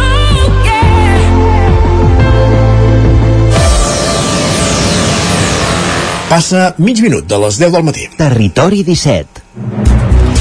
I és moment de posar-nos al dia, és moment d'actualitzar-nos amb les notícies més destacades de les nostres comarques, el Vallès Oriental, l'Osona, el Ripollès, el Moianès i el Lluçanès són les notícies del territori 17 i en aquest segon bloc les comencem al Ripollès perquè Ramon Roquer de més inicia el seu cinquè mandat amb majoria absoluta a Sant Joan de les Abadesses, Isaac Muntades des de la veu de Sant Joan. Per cinquena vegada consecutiva i sempre amb majoria absoluta, Ramon Roquer va ser investit novament aquest dissabte com a alcalde de Sant Joan de les Abadeses. A través d'una votació secreta per urna, el sis regidors de més van donar-li suport en el ple d'investidura, mentre que els cinc d'Esquerra van votar per Sergi Albric, el rival polític de Roquer des dels comicis del 2011. Roquer, que es batlla des del 2007, serà l'alcalde més longeu de la història del municipi en acabar aquest mandat, amb 20 anys al càrrec i superant Eduard Armengol, que va ostentar l'alcaldia durant la dictadura del 1949 al 1968. En el seu discurs, Roquer va tenir paraules d'agraïment pel seu equip i va fer palès quina és la feina que s'ha de fer en els pròxims anys. S'han fet paleses necessitats que hem detectat tots els partits polítics. Una d'aquestes necessitats és l'habitatge viatge. El fet de que hi hagi interès per viure a Sant Joan de les Abadeses ens ha d'omplir d'orgull. És una oportunitat per enfortir la nostra comunitat amb joves i no tan joves que volen viure al poble, que els avis créixer i famílies que s'hi volen assentar. Paral·lelament, cal seguir treballant per la millora substancial dels nostres equipaments educatius, esportius, socials i culturals. Cal garantir oportunitats laborables diverses i estables, així que seguirem treballant per afavorir l'expansió de les existents i per correspondre a l'interès de les que tenen la mirada posada a la nostra vila. Roquer també va fer una picada d'ullet Esquerra recordant que dos dels seus regidors tenen càrrecs a la Generalitat i poden enriquir el consistori amb recursos i coneixement. També va apostar per la col·laboració i no per atiar la confrontació. El BRIC també va coincidir en que tenen més coses en comú de les que sembla. Repassant els programes electorals, de tots he sabut que segurament hi ha molts punts en comú, que hem d'aprofitar aquests punts en comú, perquè segurament allò que ens uneix és més que el que ens separa, i per tant aquests punts d'unió s'han de transformar en acords eh, reals, amb una voluntat de diàleg real i per tant amb una voluntat de trobar doncs, aquells punts en comú doncs, que ens permetin a tots plegats defensar els nostres projectes en benefici doncs, de la població de Sant Joan. Prèviament als discursos i a la votació s'havia constituït la mesa d'edat amb les regidors més gran i més jove, Rosa Freixenet i Laia Capdevila, i els regidors havien jurat el càrrec, els republicans per imperatiu legal i pel futur de la República Catalana, mentre que els de més es van limitar-ho a prometre, amb l'excepció de Vanessa Pau, que també va fer-ho per imperatiu legal. I més constitucions d'ajuntaments. A Sant Feliu de Codines, Pol Cabotí ja és l'alcalde de Sant Feliu, el candidat de Primàries Codines, Roger Rams, zona codinenca. Sí, Pol Cabotix és alcalde de Sant Feliu de Codines, el cap de llista de primàries Codines. Ha estat investit aquest dissabte amb majoria absoluta amb els vots de la seva formació i el de la regidora de Junts per Catalunya, Ana Maria Vilarrasa, amb qui governarà aquests quatre anys. Els grups de Junts per Sant Feliu i el PSC, en canvi, es van abstindre a la votació. En el discurs d'investidura, Cabotí ha ressaltat que aquest és el repte més important de la seva vida i ha destacat també que el seu govern diu sense cap renúncia ni complexa que són independentistes apel·lant l'esperit de l'1 d'octubre. Personalment, ho reitero, el repte de representar-vos suposa avui el repte més important de la meva vida. Assumeixo el càrrec sentint una gran responsabilitat i un gran honor, i ho faig amb tota la meva consciència, compromís i convicció. Sense aquell dia, ho he dit molts cops, jo no seria avui aquí. La força i també la ràbia d'aquell dia és la que a dia d'avui encara m'empeny a seguir-me implicant. Sentia que calia deixar la meva casa i prendre el bastó. L'alcalde ha afirmat que amb la investidura comença el canvi que ha de representar una nova manera de fer política municipal. Per això, ha dit, no només compten amb els regidors de govern i de l'oposició, sinó també amb els veïns, entitats, comerços, empreses, treballadors de l'Ajuntament i excàrrecs electes. I què farem? Tenim projectes i els hem de tenir a punt per aconseguir els recursos per fer-los. I no ho podem fer de qualsevol manera.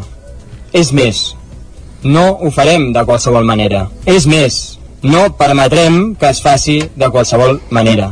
Ho farem molt bé. En els propers mesos explicarem en un acte públic quin és el pla de govern per aquests quatre anys. Ens posarem objectius.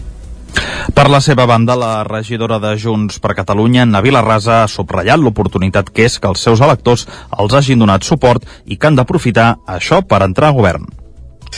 Gràcies, Roger. Deixem enrere ja les constitucions dels ajuntaments. Una última hora es dona pas alternatiu a la carretera de Centfores La Guixa, entre Vic i La Guixa, a causa d'un atropellament. Desconeixem ara mateix més detalls de, de l'incident, però sí que hi ha aquesta afectació viària. Es dona pas alternatiu als vehicles que circulen entre Vic i Centfores, entre Vic i La Guixa, a causa, com dèiem, d'un atropellament. Ja hi ha les, els serveis d'emergències eh, al lloc.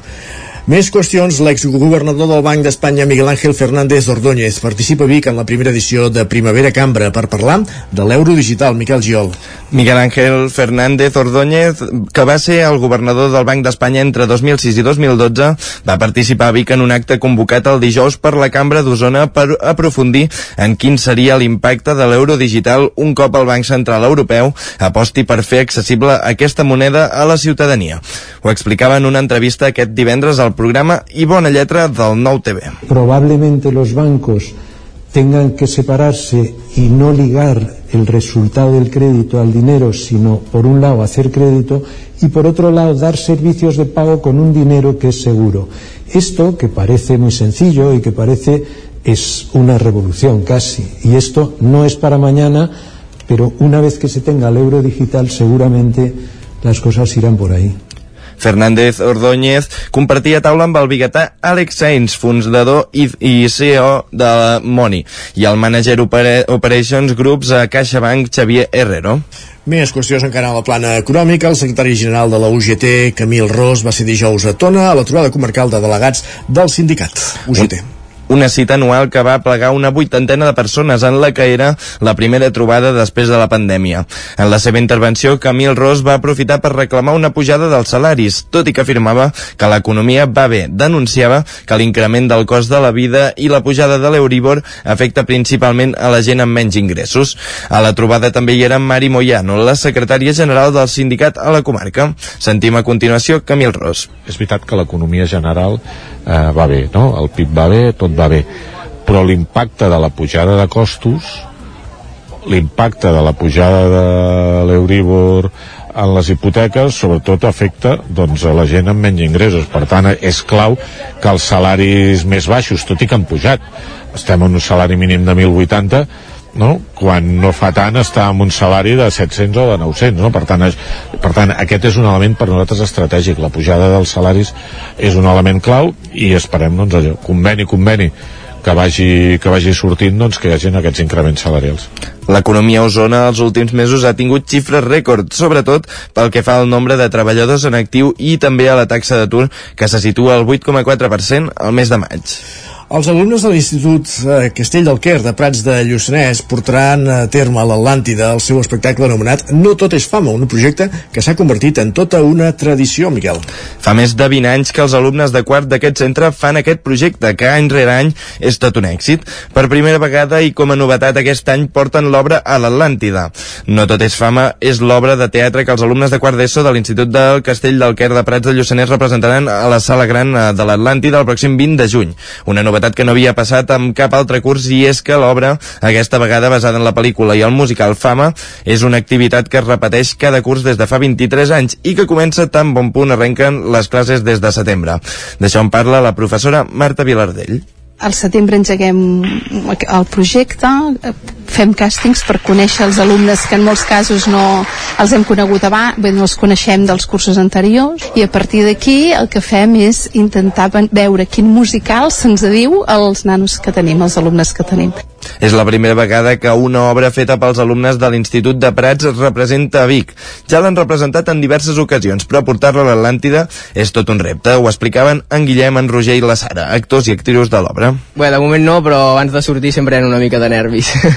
Ganes moltes, nervis de moment no, però anirem allà a disfrutar i a fer-ho el millor que, que sabem. Com que ja l'hem fet quatre cops, nervis de moment no, però ja arribaran, perquè és un lloc més gran. Enguany, l'obra ens explica la història d'un grup d'estudiants del Centre d'Arts Escèniques És Art, on es va gravar Fama, que estudien música, ball i interpretació per complir el seu somni. Tot una història de superació on també hi ha lloc per l'humor i on evidentment no hi falten els balls, la música i les històries d'humor. L'estrena es va fer finals del mes de març a Prat del Lluçanès i també a principis d'abril a Sant Feliu Sasserra amb, gran, amb una gran presència de públic. Ja es coneixen les obres finalistes del Premi BBVA de Teatre que celebrarà la seva final el 30 d'octubre, també a l'Atlàntida de Vic, Miquel. El gegant del Pi de les Cies, Cassandra, projectes artístics, el bon policia de la companyia El Maldà, viatge d'hivern de Cassandra, projectes artístics, i la dona del, del tercer segona de la companyia Monday Theater són les obres finalistes de la 22a edició del Premi BBVA de Teatre, una distinció que va néixer Osona el 2001 per donar suport al teatre amateur i que en continua mantenint part de l'essència, tot i que ara està obert també als professionals del sector. Les obres finalistes es representaran durant el mes de setembre a Valls, Tàrrega, Martorell i a Manlleu. Un reconeixement que convoca la Fundació Antigues Caixes Catalanes amb el suport de BBVA i el qual cada any rep més propostes. En parlava la directora de la Fundació, Belén Latorre. El 2021 ja es van presentar 103 i aquest any s'han presentat 121, però és que les darreres edicions s'havien presentat 60, vull dir que no sé què ha passat, que en els darrers anys doncs, eh, el que pensem és que hi ha moltes persones que s'hi dediquen i amb, amb molt d'esforç entre el jurat hi ha representació usonenca. Està format per l'actor local Ernest Villegas, Ramon Ferrer, eh, programador de l'Atlàntida, Joan Roura, director del festival, l'actriu Iria Roig i també l'actriu Marta Marco. L'obra guardonada serà premiada amb una gira valorada en 20.000 euros i es programarà en diferents teatres de Catalunya, incloent una participació al festival temporada alta. Per acabar el recorregut del concurs, el 30 d'octubre tindrà lloc la gala de lliurament de premis a l'Atlàntida de Vic, on es donarà a conèixer l'espectacle guanyador. Gràcies, Miquel. I un últim apunt des de Cardedeu per explicar que la Granollers Cup acollirà del 28 de juny al 2 de juliol 6.000 esportistes de 20 nacionalitats amb un total de 425 equips inscrits, 145 més que l'edició passada. Pol Grau, Ràdio Televisió, Cardedeu. La Granollers Cup de 2023 ja s'ha i celebra del 28 de juny al 2 de juliol. Enguany, s'ha tancat el període d'inscripcions amb 425 equips, és a dir, que hi haurà 145 conjunts més respecte a l'edició passada. En total, la competició acollirà 6.000 participants entre 20 nacionalitats diferents. Els equips procedien dels països d'Alemanya, Andorra, Argentina, Brasil, Canadà, Xile, Eslovènia, França, Gran Bretanya, Islàndia, Israel, Itàlia, Noruega, Polònia, Portugal, Suècia, Suïssa, Tunísia i Txèquia. A més, hi haurà representants de nou comunitats autònomes. El campionat tindrà equips, tant masculins com femenins, de totes les categories base, a la B infantil, cadet, juvenil i júnior. La més nombrosa aquesta vegada és la de cadet, amb 75 equips inscrits en la categoria masculina i 73 en la femenina. Està previst que durant tota la setmana es jugui fins a 1.281 partits en total. Aquest any, la participació femenina és d'un 46%, una altra xifra rècord, i una dada que aproxima any rere any l'equitat de gènere en aquest torneig. Gràcies, Pol. Passen 13 minuts de les 10 del matí, això vol dir que falten dos perquè sigui un quart d'onze i el que fem al tot seguit del territori 17 és informar-nos de la previsió del temps.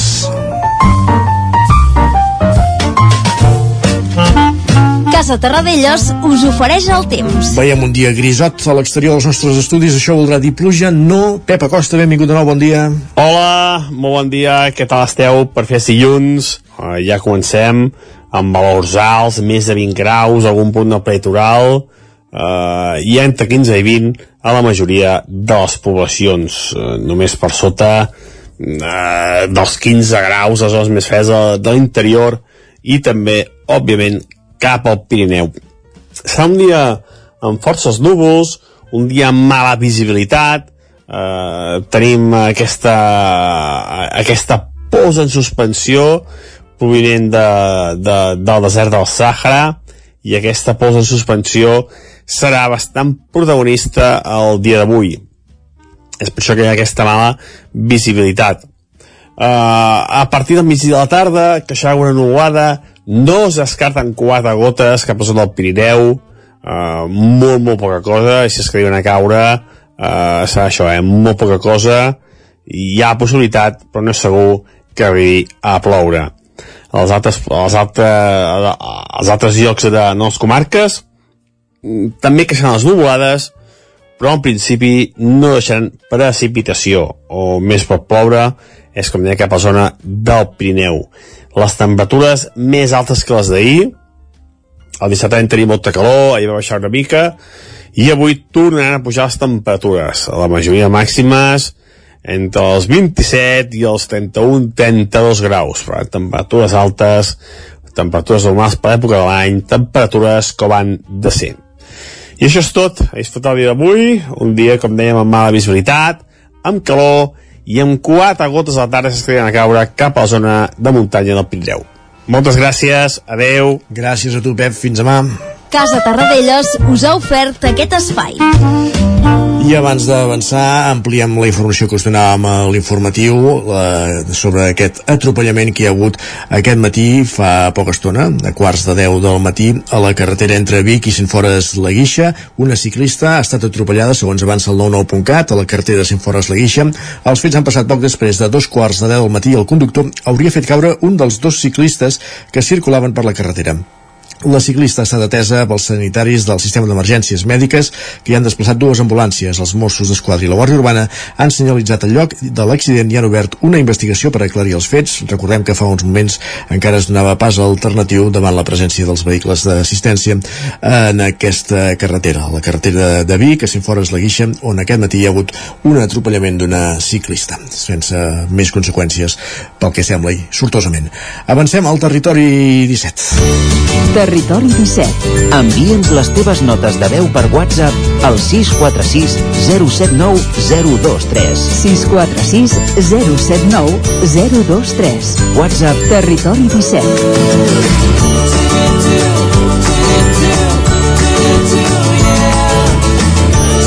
Territori 17. Som a Facebook, Twitter i Instagram amb l'usuari Territori 17.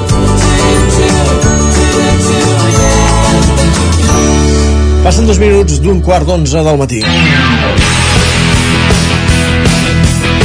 Com cada dilluns, espai pels esports a partir d'avui fins a final de temporada, però ho farem diferent. No hi ha competició pràcticament federada, per tant, deixem enrere els repassos esportius que fèiem els dilluns i l'agenda dels divendres per dedicar aquest espai als esports a fer entrevistes, entrevistes a protagonistes de, de la temporada, eh, protagonistes d'equips que hagin tingut papers destacats en aquesta temporada, però ho fem també, eh, en aquest cas, avui per parlar d'un aniversari, de l'aniversari de la penya barcelonista, de la penya blaugrana de Sant Joan de les Abadesses, que ahir celebrava el seu 50è aniversari i amb motiu d'aquesta efemèride, en Joan Garcia, de la veu de Sant Joan, conversava amb el seu president, Josep Sorinyac, i un altre dels membres de la Junta, en Joan Moró. Repro reproduïm avui al Territori 17 un fragment d'aquesta conversa que, com dèiem, mantenien Joan Garcia, en Josep Sorinyac i Joan Moró sobre els 50 anys de la penya blaugrana de Sant Joan de les Abadesses.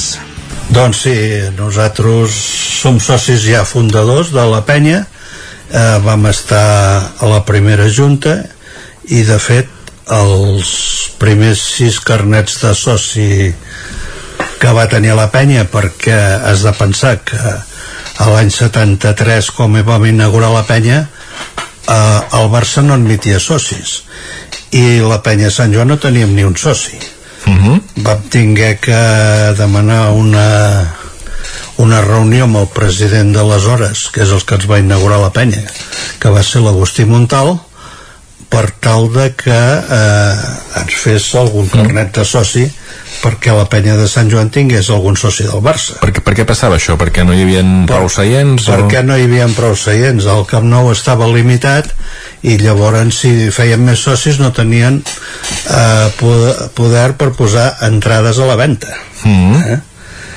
I, i bueno, amb aquesta reunió eh, gràcies a, a unes cistelles que els hi van preparar d'embotits ah. de Cal Guillemet no sé si tu havies vist la botiga de, de, Cal, de Can Guillemet que està allà a on hi ha l'Ajuntament ah, sí, a la cantonada. la cantonada que feia uns embotits boníssims. Van bornir unes cistelles amb unes cintes del Barça i unes de Catalunya. Vam anar a la reunió sense la cistella, les cistelles vam deixar el cotxe i un cop estàvem a la reunió eh, hi havia en Joan Granados que llavors era el secretari general que més tard va ser el director de TV3 Mm. eh, que li deia Agustí, no tenim, no podem fer soci, més socis, no podem amb aquests eh, en Josep Guàrdia que va venir nosaltres diu un moment que em vaig fins al cotxe va anar al cotxe, va agafar les cistelles les van pujar, les van posar sobre la taula. I allà van saltar perquè érem sis, van saltar sis carnets. Si haguéssim anat 12 en haguessin saltat 12 Ostres, que bo, no? Um, això avui dia és impensable ara ho anava a dir perquè um, parlàvem fa un moment amb en Josep de qui vindria de no i de fet ara a les penyes no teniu, no teniu aquest accés tan directe no? no, la burocràcia se'ns ha menjat amb tots els aspectes Mm. Ara no tenim accés en res. Mhm. O sigui, hem de passar per un pilot de, de filtres que quan arribes a dalt ja s'ha acabat la festa. Uh -huh. és així és de clar. també s'entén, no sé si és perquè el club ha crescut eh, tot s'ha s'ha modernitzat o s'ha... per què creieu que, que ha passat això veiem?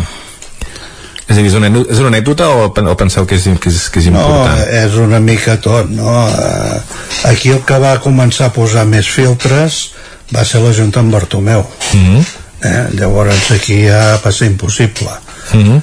eh, abans eh, nosaltres havíem tingut accés a, tant amb en Nicolau Casals com, a, com amb el, el president Núñez Mm -hmm. havíem tingut accés Mm -hmm. A partir de, de llavors ja això tot es va, va canviar va canviar Ara arribes allà, has de parlar amb tres secretaris i ningú, ningú sap res més. O sigui, a, a mesura de, que va passant els dies has d'anar intentant de, de fer alguna feina, però costa molt, molt. Mm -hmm. Jo crec que ens ho fan malbé. Mm -hmm.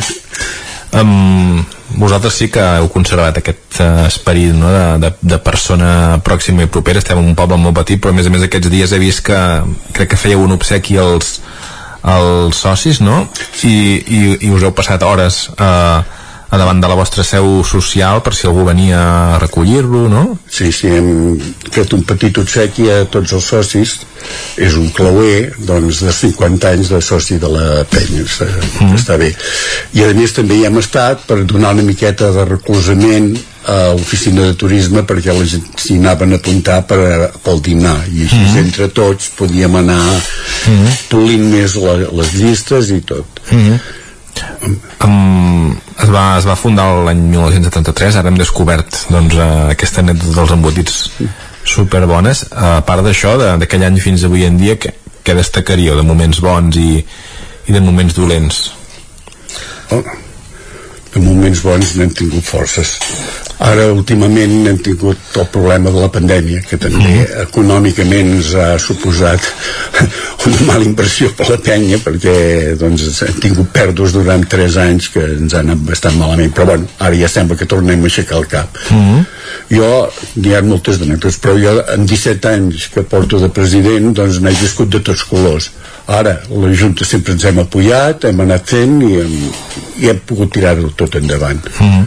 la vam agafar doncs, que estava una miqueta puradeta però bueno, ara ja ho tenim tot superat hem pogut arreglar el local i, bueno, Mm -hmm. ara buscar doncs, que la cosa segueixi que surtin gent que, que tinguin ganes de tirar això endavant mm -hmm.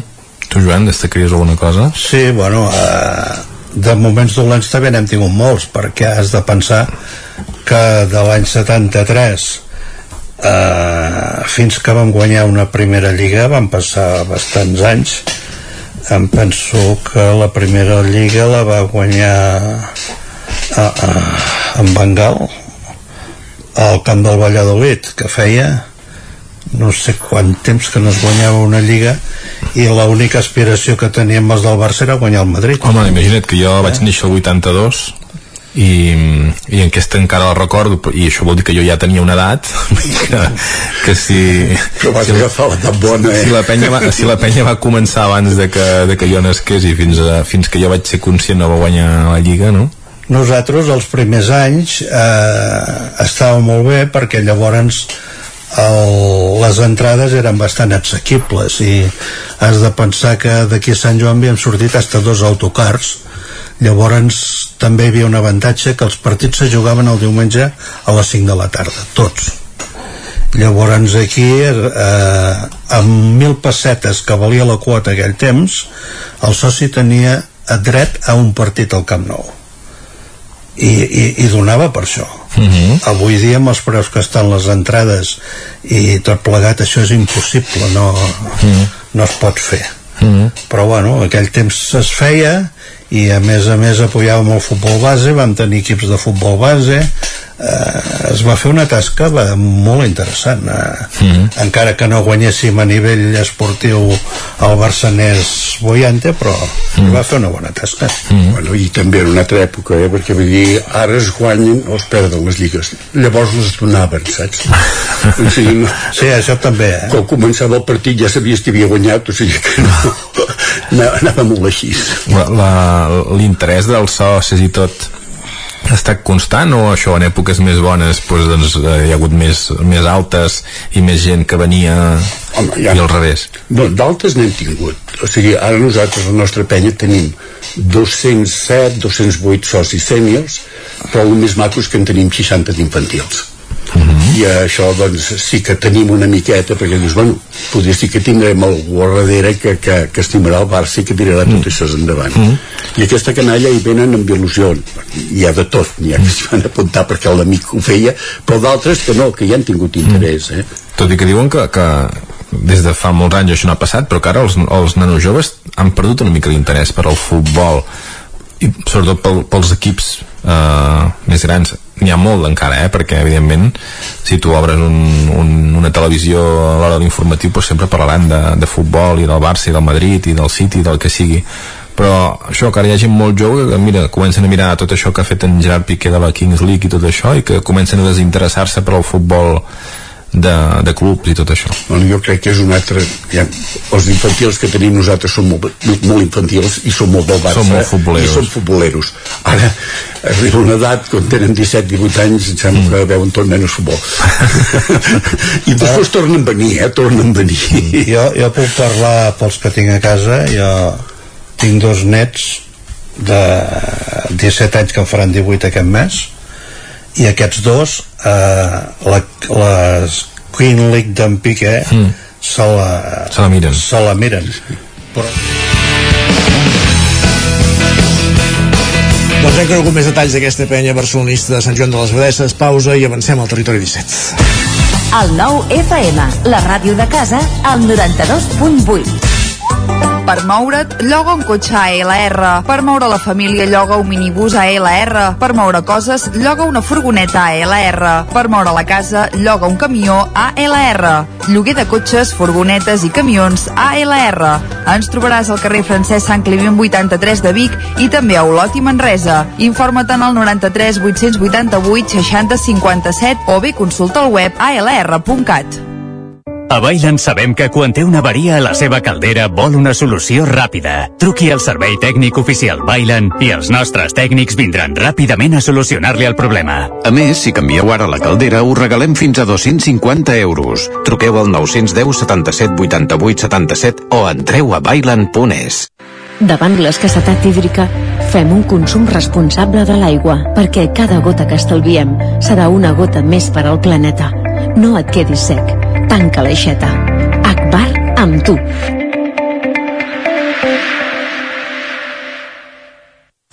Si tens pensat canviar la caldera o posar aire condicionat, posa't en mans a Pradell. Tenen les millors ofertes. Pradell instal·la calderes de biomassa, calderes de condensació, aire condicionat tant per a particulars com per a empreses. Apunta, Pradell, Avinguda Països Catalans, número 27 de Vic. Telèfon 93 885 11 97. Repetim, 93 885 11 97. Ser a prop vol dir veure les coses més bé. Apropa't al que t'interessa amb la xarxa Més. La teva plataforma audiovisual de qualitat, proximitat i gratuïta. Gaudeix dels continguts de més de 30 televisions locals i podcast quan, com i on tu vulguis. Entra a la xarxa més.cat i descarrega't l'app. Cocodril Club. Si t'agrada la bona música dels anys 60, 70 i 80, escolta el 9 FM als matins de dissabtes i diumenges d'11 a 1. És el temps del Cocodril Club, tot un clàssic de la ràdio, amb les bases del pop-rock, les llegendes, les cançons que s'han convertit en autèntics himnes. Recorda, dissabtes i diumenges al matí, d'11 a 1, al 9 FM 92.8. Cocodril Club, el programa revival de l'Albert Malla. Hasta luego. Bon dia, són les 9 al Territori 17. La Miquel Parella, Cada matí i durant dues hores t'acompanyem i et posem al dia de l'actualitat de casa nostra. Potenciant així l'autonomia En aquest cas me la fer saltaler si no... Cursos per feminitzar el pensament masculí. Territori 17, el magazín matinal d'Osona, el Moianès, el Ripollès i el Vallès Oriental. Que la meva àvia de 93 el anys... 9 FM, el 9 TV, el 99.cat i també els nostres canals de Twitch i I YouTube. demà per fer-se un tatuatge. Cada matí, Territori 17. Ole. El 9 FM, el 9 FM, el 9 FM. En punt, dos quarts d'onze al territori 17, moment d'endinsar-nos a la dimensió de Twitter amb en Guillem Sánchez. Guillem, benvinguts, bon dia, bon dilluns, bona setmana. Bon dia, bon dilluns, bona setmana, setmana de Sant Joan. Per fi és dilluns, diu sempre que m'acosta, que també sempre diu per fi és divendres, per tant, és, Per un, tant- és un home que tot li està bé. I tant, perfecte. Uh, em felicitaràs diumenge, Isaac? És el teu sant? És el meu sant. Doncs si vols et felicito ara, i així ja ho deixem... Perfecte. Eh, eh, Et sembla bé, ho donem per fet o no? Sí, perquè clar, la, la gent només pensa en Sant, en Sant Joan, però i el pobre que va després de, de, de, de, Sant Sant Joan, el Sant dia Guillem. 25, no se n'en recorda ningú. Doncs Sant Guillem, die, reivindiquem Sant Guillem 25 de, de juny. I reivindiquem també el que li ha passat avui Ho a... has aprovat tot? Eh, Et reglarà moltes coses pel teu sant? O... No crec, no. vagi. Un dineret i, i els diners de la iaia, ja està. I, I poca cosa més, no? Molt bé. Va, comencem reivindicant també el que li ha passat a l'Arnau avui, 19 de juny. Va, una sensació com aquesta que és difícil de gestionar. Ens escriu, dilluns amb la teu usual caducada a Vic. Ojo, eh? Ojo. Ull, alerta. Diu, no hi ha màquina a la teva parada. No acceptem targeta al bus, només efectiu. No I, acceptem... i, no, I no acceptem bitllets més grans de 20. Correcte, no acceptem bitllets més grans de 20. Diu, 15 minuts caminant fins a l'estació per tornar a desfer el camí amb el bus. Diu, molt bon dia a tothom. Ah, aquest, aquest últim tros no l'he entès. A peu des de casa, vol dir, clar. Sí, sí, sí. Mm. Vale, perquè les dues estacions, la de tren i del bus, estan en el costat de Correcte, l'altre. correcte. doncs bé, una manera de començar la setmana eh, potent, diguem-ho així. Correcte, diguem sí, així. Tot i això, setmana potent, però ja amb ajuntaments constituïts i amb alcaldes sí, i alcaldesses. ja ho tenim resolt. Per tant, aquest... En, enigmes resolts, si més no. Anem a repassar algunes piulades, va, Isaac, en aquest sentit. Per exemple, la manera que ens diu investir un alcalde del PSOE juntament amb el PP és exactament el que vam sortir a reclamar els companys i companyes a les places durant el 15M. Això estem parlant de Barcelona, eh? Estem parlant de Barcelona. És que la gent s'ha posat molt Barcelona centrista avui sí, sí. i havíem de recalcar-ho. Aquesta d'embalsió m'agrada molt, també. Diu, ell va dir que si feia segon no seria alcalde i ella va dir que no pactaria amb el PP però els enganyats semblen els més feliços ara Exacte. i que poètic Bueno, tot mi- mirant les cares de Pomosares que feien tots plegats, tots, no sé si eren gaire feliços, però vaja, en fi. I en Xema diu, eh, també diu, l'elecció del Collb Collboni com a alcalde de Barcelona ha deixat clara una cosa, diu, si votar servís per alguna cosa no estaria permès a Espanya. Carai. Carai, carai. Va, i en Marc hi veu alguna cosa més, també ens escriu 2015... Que, que els bombin. Sí, mira, bombin a tots. Ara en vindrà una d'aquestes. En Marc hi veu alguna cosa més i diu 2015, Colau alcaldessa gràcies al CNI, 2019 Colau alcaldessa gràcies a Manuel Valls, diu 23, Collboni gràcies, alcalde gràcies al PP, diu s'intueix un patró. I en aquest sentit que deies tu, l'Anna ens comenta Avui he anat a la platja i només arribar s'ha posat a ploure. A veure si està començant a fer efecte el que us bombin a tots d'entries. Potser deu ser això. Home, estaria molt fort que també tingués a veure amb el, amb el temps i amb, eh, i amb les condicions meteorològiques, però, però bé, de coses com Per aquestes... sort, el, això encara no depèn del PP, per, per sort. Oh, sí, no ho sabem. Va, canviem de tema. Què us semblaria el panorama que ens pinta la Clàudia en aquesta piulada? Ai, ai. Va, ens diu intent de becaina sobre el sofà fred amb el ventilador de fons. Ben tornades enganxoses tardes de diumenge del mes de, de juny. I les que falten. Juny, juliol, agost... Però i si plou refresca, eh? Jo només ho deixo anar. Però s'ha de tenir ventilador, com a mínim, perquè si no ja no, ja no se suporta res. Es veu que ara és tendència, els ventiladors de sostre. Es veu que ara és, comença a ser tendència, ja veuràs. D'aquests de fusta, d'aquestes... No, uns que són de plàstic, a més fan coloraines i fins i tot hi posen posar música. No n'he vist ni un. Doncs No ni a alguna drogueria d'aquestes de moda d'allà al polígon, al costat de la, de la botiga d'esports de moda i, i n'hi ha, bueno, estanteries, cabassos plens. I haurem de passar. Va, i plantejar-s'ho com ens diu la Júlia, no sé si pot ser d'ajuda o no en aquesta època de l'any. Fixa't, diu, imagina ser una nena que marxa de colònies en la seva última setmana d'escola i no ser una adulta en la seva primera setmana de calor infernal treballant de les que li queden d'aquest estiu. Carai. Per cert, aquests ventiladors de sostre no fan fresa, també. Ostres, ho tenen tot, no? Ho tenen tot. Ho tenen tot. Va, i un usuari ens estapa un altre dels grans debats de la temporada, com ens hem de dutxar a l'estiu. Carai, sota la dutxa. Ens, ens escriuen, ens escriuen, diu, és igual la calor que faci, jo sempre em dutxaré amb aigua bullint. Ai, pots, et pots escaldar. Et pots escaldar. Correcte. Correcte, correcte. I la Bruna ha assumit que li tocarà patir els mesos que venen per un motiu molt i molt clar. Fixa't, diu, odio els pantalons curts, no puc, no vull. Diu, penso passar calor tot l'estiu. Aquesta és, eh, és el teu complement, eh? Perquè és el contrari. I direu que poètica se'ns ha posat la Marta de bon matí avui per acabar la secció Isaac. No entenc perquè tothom parla dels amors d'estiu si no hi ha res millor que els rotllitos de primavera. Ah, li agrada la gastronomia xinesa, aquesta noia. Que tothom gaudeixi de l'estiu perquè aquesta setmana ja comença oficialment i tothom gaudeixi de Sant Joan i si algú vol felicitar el diumenge, mòbil obert, Però que ja, faci falta. tot just és dilluns, eh? Demà vens, dimecres vens, dijous tornes. Eh? Però mai se sap què pot, què pot passar, no? Va. per molts anys, Sánchez. Ho deixem dit, va, va, merci. Bon cap de setmana. Uh, avancem al territori 17 i tot seguit eh, anem per la tertúlia esportiva.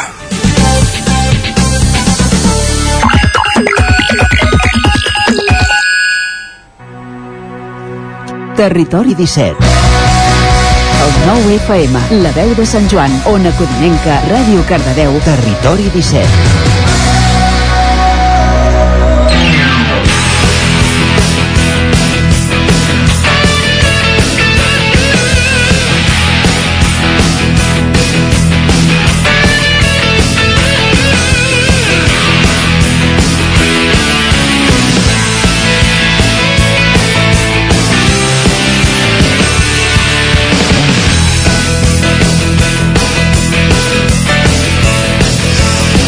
Doncs tertúlia esportiva avui en companyia de Lluís de Planell, Isaac Muntades, de Pol Grau, benvinguts tots tres. Dia. Bon dia. Ara, ara, és que els de Sant Joan i Cardeu els hi havíem baixat el micro. Benvinguts tots. Bon dia. Ara sí, eh? Hola, bon dia. Què tal? De què hem de parlar avui? S'ha acabat la Lliga de Futbol, eh, estem en aquest play-off de la Lliga de Bàsquet, se li posa de cara al Barça, però segur que Muntades farà algun dels seus vaticinis d'aquells de... giraran les truites i... No? I, i a veure, ostres, no, no he vist cap dels dos partits tampoc vaig veure la final de l'Eurolliga vull dir, a veure, jo veig molt pocs partits del Madrid eh? soc del Madrid però veig pocs partits això ho he de reconèixer després m'agrada batallar doncs, perquè s'ha de defensar l'opció madridista aquí uh, a la ràdio perquè si no ningú la defensaria eh? però, però bé, mira, segurament el Madrid perdrà la Lliga dient això després sol, sol ser al revés no? pot passar, no? Sí, però ja clar, ja. la mufa a, a veure, és, és veritat que ara venen dos partits a, a Madrid i, i, i, i evidentment aquest tercer és clau i, i el quart també perquè el Madrid no en pot perdre cap més. Vull dir que, que serà, serà molt complicat remuntar però bé, el Madrid Però el, recordem que va remuntar el, Barça va a curt de, el Barça va curt de calés i necessita les entrades de, del, del, del partit decisiu. de l'últim partit. Mm, jo penso que bueno, eh, suposo que seran partits igualats eh, si es- esperem que el Madrid pugui portar la sèrie a un cinquè partit ho veig complicat. També hauria complicat que, que pogués guanyar el cinquè partit allà però ha remuntat un 2 a 0 en els play-offs de l'Eurolliga contra el Partizan, que no ho havia fet mai ningú. Crec que mai ningú tampoc ha remuntat un 2 a 0 a, en una... Bueno, ni en una final ni en una eliminatòria, crec, a la Lliga ACB, per, si no, no estic no equivocat, ningú. eh? Això encara ho deien el Way, sí. Que Sí, eh, que sí, no hi ha que no. precedents, no. no hi ha precedents, eh? No. Bueno, si hi ha un equip que és capaç és el Madrid, no? Estarem, estarem d'acord, no? I, però, bueno, a part d'això penso que, que no ho sé. Ahir també va jugar a Espanya una final que, que me'n vaig anar a dormir no sabia el resultat, també, parlant de, de coses que es van fer aquest cap de setmana. I, i avui m'he assabentat que van guanyar els penals, vull dir, imagineu-vos el cap de setmana esportiu de coses que, que ens importen bastant poc i, i que no seguim, no? Quan s'acaba la Lliga i la Champions i totes aquestes competicions diguéssim més importants eh, tot Va acaba passant en un segon Va pla pujar a l'Alavés, va estar inusual. va pujar a l'Alavés també, sí Al minut vull dir, 123 a l'últim penal. sí, sí, no, no, aquí al al final hi ha, hi, sempre, hi ha, sempre hi ha cosa a destacar i Fernando Alonso va fer segon a la Fórmula 1 i en Marc Márquez va tornar a caure bueno, un cap de setmana que al final no saps al final de què parlar no? perquè no, no hi ha gaire Avui és, avui és un dia especial, avui és una celebració. Qui? Tots els gironins. Ah, sí, per què? Què se la veu? Avui fa un any que van pujar al bàsquet i al futbol a la primera. Ah, carai. I, i, us i, i s'han mantingut els dos equips, que és I s'han important. mantingut els dos equips, també. Mm. Per cert, eh, avui fa... ai, digues, Pol, perdona. Això, avui, avui fa un any a la nit, era una nit que pujàvem, guanyàvem contra el Tenerife i el, el bàsquet Girona guanyava, pujar a primera, també els play-off. No, anava a dir, eh, l'Isaac ara que citava aquesta competició que ha guanyat la selecció espanyola de futbol, us heu fixat en aquest jugador que diu que pretén el Madrid, un tal Joselu o no? Home, ja està fitxat, Ja ja, té José Lu, lligat, pel ja Madrid. fitxat. Carai, carai. Està fitxat perquè li van preguntar a Florentino Pérez, un aficionat, i va dir que sí, que, que venia, i, i, i després també li van preguntar, i, i vindrà algú més? I, I ell en principi va dir que no. Uh, jo crec que l'únic uh, fitxatge que podria arribar a part de, Mbappé. de José Lu podria ser Mbappé si es gira una mica tot això del PSG que és l'únic que pel qui apostarien penso jo, eh? Vull dir, sembla complicat que pugui jo penso que falta un altre davanter que José Lu no, no, no es fa una temporada, és a dir, jo crec que s'hauria d'apostar per un jugador ni molt veterà ni molt gran de l'estil Harry Kane que t'assegura gols i, i que vol marxar del Tottenham i, i, i acabar de construir un bon equip. I realment l'equip que haurà fet el Madrid serà un equip jove amb dos o tres o quatre veterans a gran nivell i no sé, en general m'està agradant el mercat de fitxatges de moment eh, hi va haver un amic meu que em va passar per WhatsApp tots els fitxatges que faria el Madrid aquesta, aquest estiu i de moment eh, ja han encertat 4 o 5, no recordo dels 7 o 8 que va posar veurem si fa el ple Era difícil que es quedés José Lu a segona, Lluís, però eh, és un bon fitxatge pel Madrid, o no? Tu que l'has vist cada, cada setmana. Jo, sé, del Madrid estaria preocupat, eh? Sí, no, no, aviam, amb José Lu i prou no, no fem, eh? Això No, no, clar. però és que José Lu la temporada passada va jugar amb l'Alavés i l'Alavés va baixar. Aquesta temporada ha jugat amb l'Espanyol i l'Espanyol ha baixat. Sí, que clar, no sé. Allò que diuen els espanyols no hi dos sin tres. doncs no sé si haureu d'estar preocupats eh, al Bernabéu, no? Esperem que no, no? Veure baixar el Madrid, o si seria eh, cosa, No, eh? eh, entre, entre nosaltres el José Lu és, és un jugador del minut 80 vull dir i quan les coses Sí, no van sí. bé vull dir que no, no, no és un titular per un equip de Champions. Eh, per molt que la selecció eh, millor dit amb la selecció espanyola l'altre dia va marcar el 88 però va sortir el 84 i l'altre partit que també va fer dos gols eh, no, no, no, no, no me'n recordo quan era però va, va fer dos gols i va, va capgirar un partit també havia sortit 10 minuts Surten abans. 70, 80, sí. Exacte, vull dir que vull dir, no, no, és un, no és un jugador, no és un nou de Champions, vull dir, això està claríssim i, i jugarà estones i, i si juga és perquè el, el Madrid no té alternativa però no és un recanvi per en Benzema, això és, és evident vull dir que són jugadors d'un altre nivell i que el Madrid li pot anar bé perquè mm, bé per això per, per, per jugar minuts però no és un jugador titular de, de, de, de cap de les maneres és un jugador per un equip de segona fila com, com ha, ha estat demostrat fins ara vull dir que des d'aquest punt de vista eh, aviam l'Espanyol que li anirà bé perquè li havia de pagar dos milions d'euros que posats a segona divisió doncs són, són el fitxatge de tres jugadors d'un cert nivell i que per tant des del punt de vista econòmic eh, a l'Espanyol li va molt bé. Llavors si és una, una sessió com diuen eh, eh, llavors el, el, la temporada que ve si l'Espanyol puja ha, de, ha de, hauria de poder tornar. Que de, també anirà en funció de, de, de, de com hagi anat aquesta temporada vinent. Hi ha, hi ha una, una sèrie de qüestions que, que afavoreixen diguem o favorien en el fitxatge de José per, per al Madrid que això s'ha donat i llavors l'única cosa que no sabem perquè de l'Espanyol no en sabem res només que han fet fora el, el, el director tècnic però no sabem ni si té substitut ni si el busquen ni si l'han trobat i no ho diuen no sabem absolutament res no sabem res de la plantilla no això, sabem això, res de res. això em volia demanar si hi havia moviments i dius tu no, no se sap absolutament res. suposo que algú altre es deu moure però... Pregunta, des de Girona em pregunta per Braithwaite. Sí, va, amb això, això també ja, ja sabia que hi hauria una colla de jugadors que, que el, els tocarien i llavors en Redway a, a Girona també dependrà del de, de, tema econòmic eh, perquè jo no sé si es veu gaire titular a Girona tampoc. Vull dir que no ho sé. Bueno, el Tati se'n va. Sí, ja, ja, ja no sé, aquest, aquest sí que no el tinc tan clar, però és que eh, ja dic, el, el, el, la primera cosa que no tinc clara és l'esdeveniment de, de, de, o sigui, la confecció de, de la plantilla i les persones que l'han de que, confeccionar, que o sigui, no hi ha ni la persona que ha de dirigir l'equip per, per formar una plantilla per, amb garanties per la temporada que eh, vinen. No tenim ni això. S'ha parlat de molts noms, ha entrat del d'aquí Carsten, per cert, dret uh -huh. i, però esclar, ningú, ningú respira ningú diu res eh, i llavors mires la, la web del club i encara estan parlant de, de, de que un sub-21 ha anat amb la selecció i etc no? amb la selecció sub-19 o no sé què etc vull dir mm, informacions sense cap mena d'interès i no, no parlen res de, de l'important del, del que ha de fer de totes maneres eh, em penso que és aquesta setmana hi ha eh, la presentació de la campanya de, de socis i, i abonaments i renovacions i suposo que abans de fer això eh, almenys tindran la decència de parlar d'alguna cosa i de dir qui hi haurà i qui no hi haurà bàsicament si volen que algú renovi no? vols dir?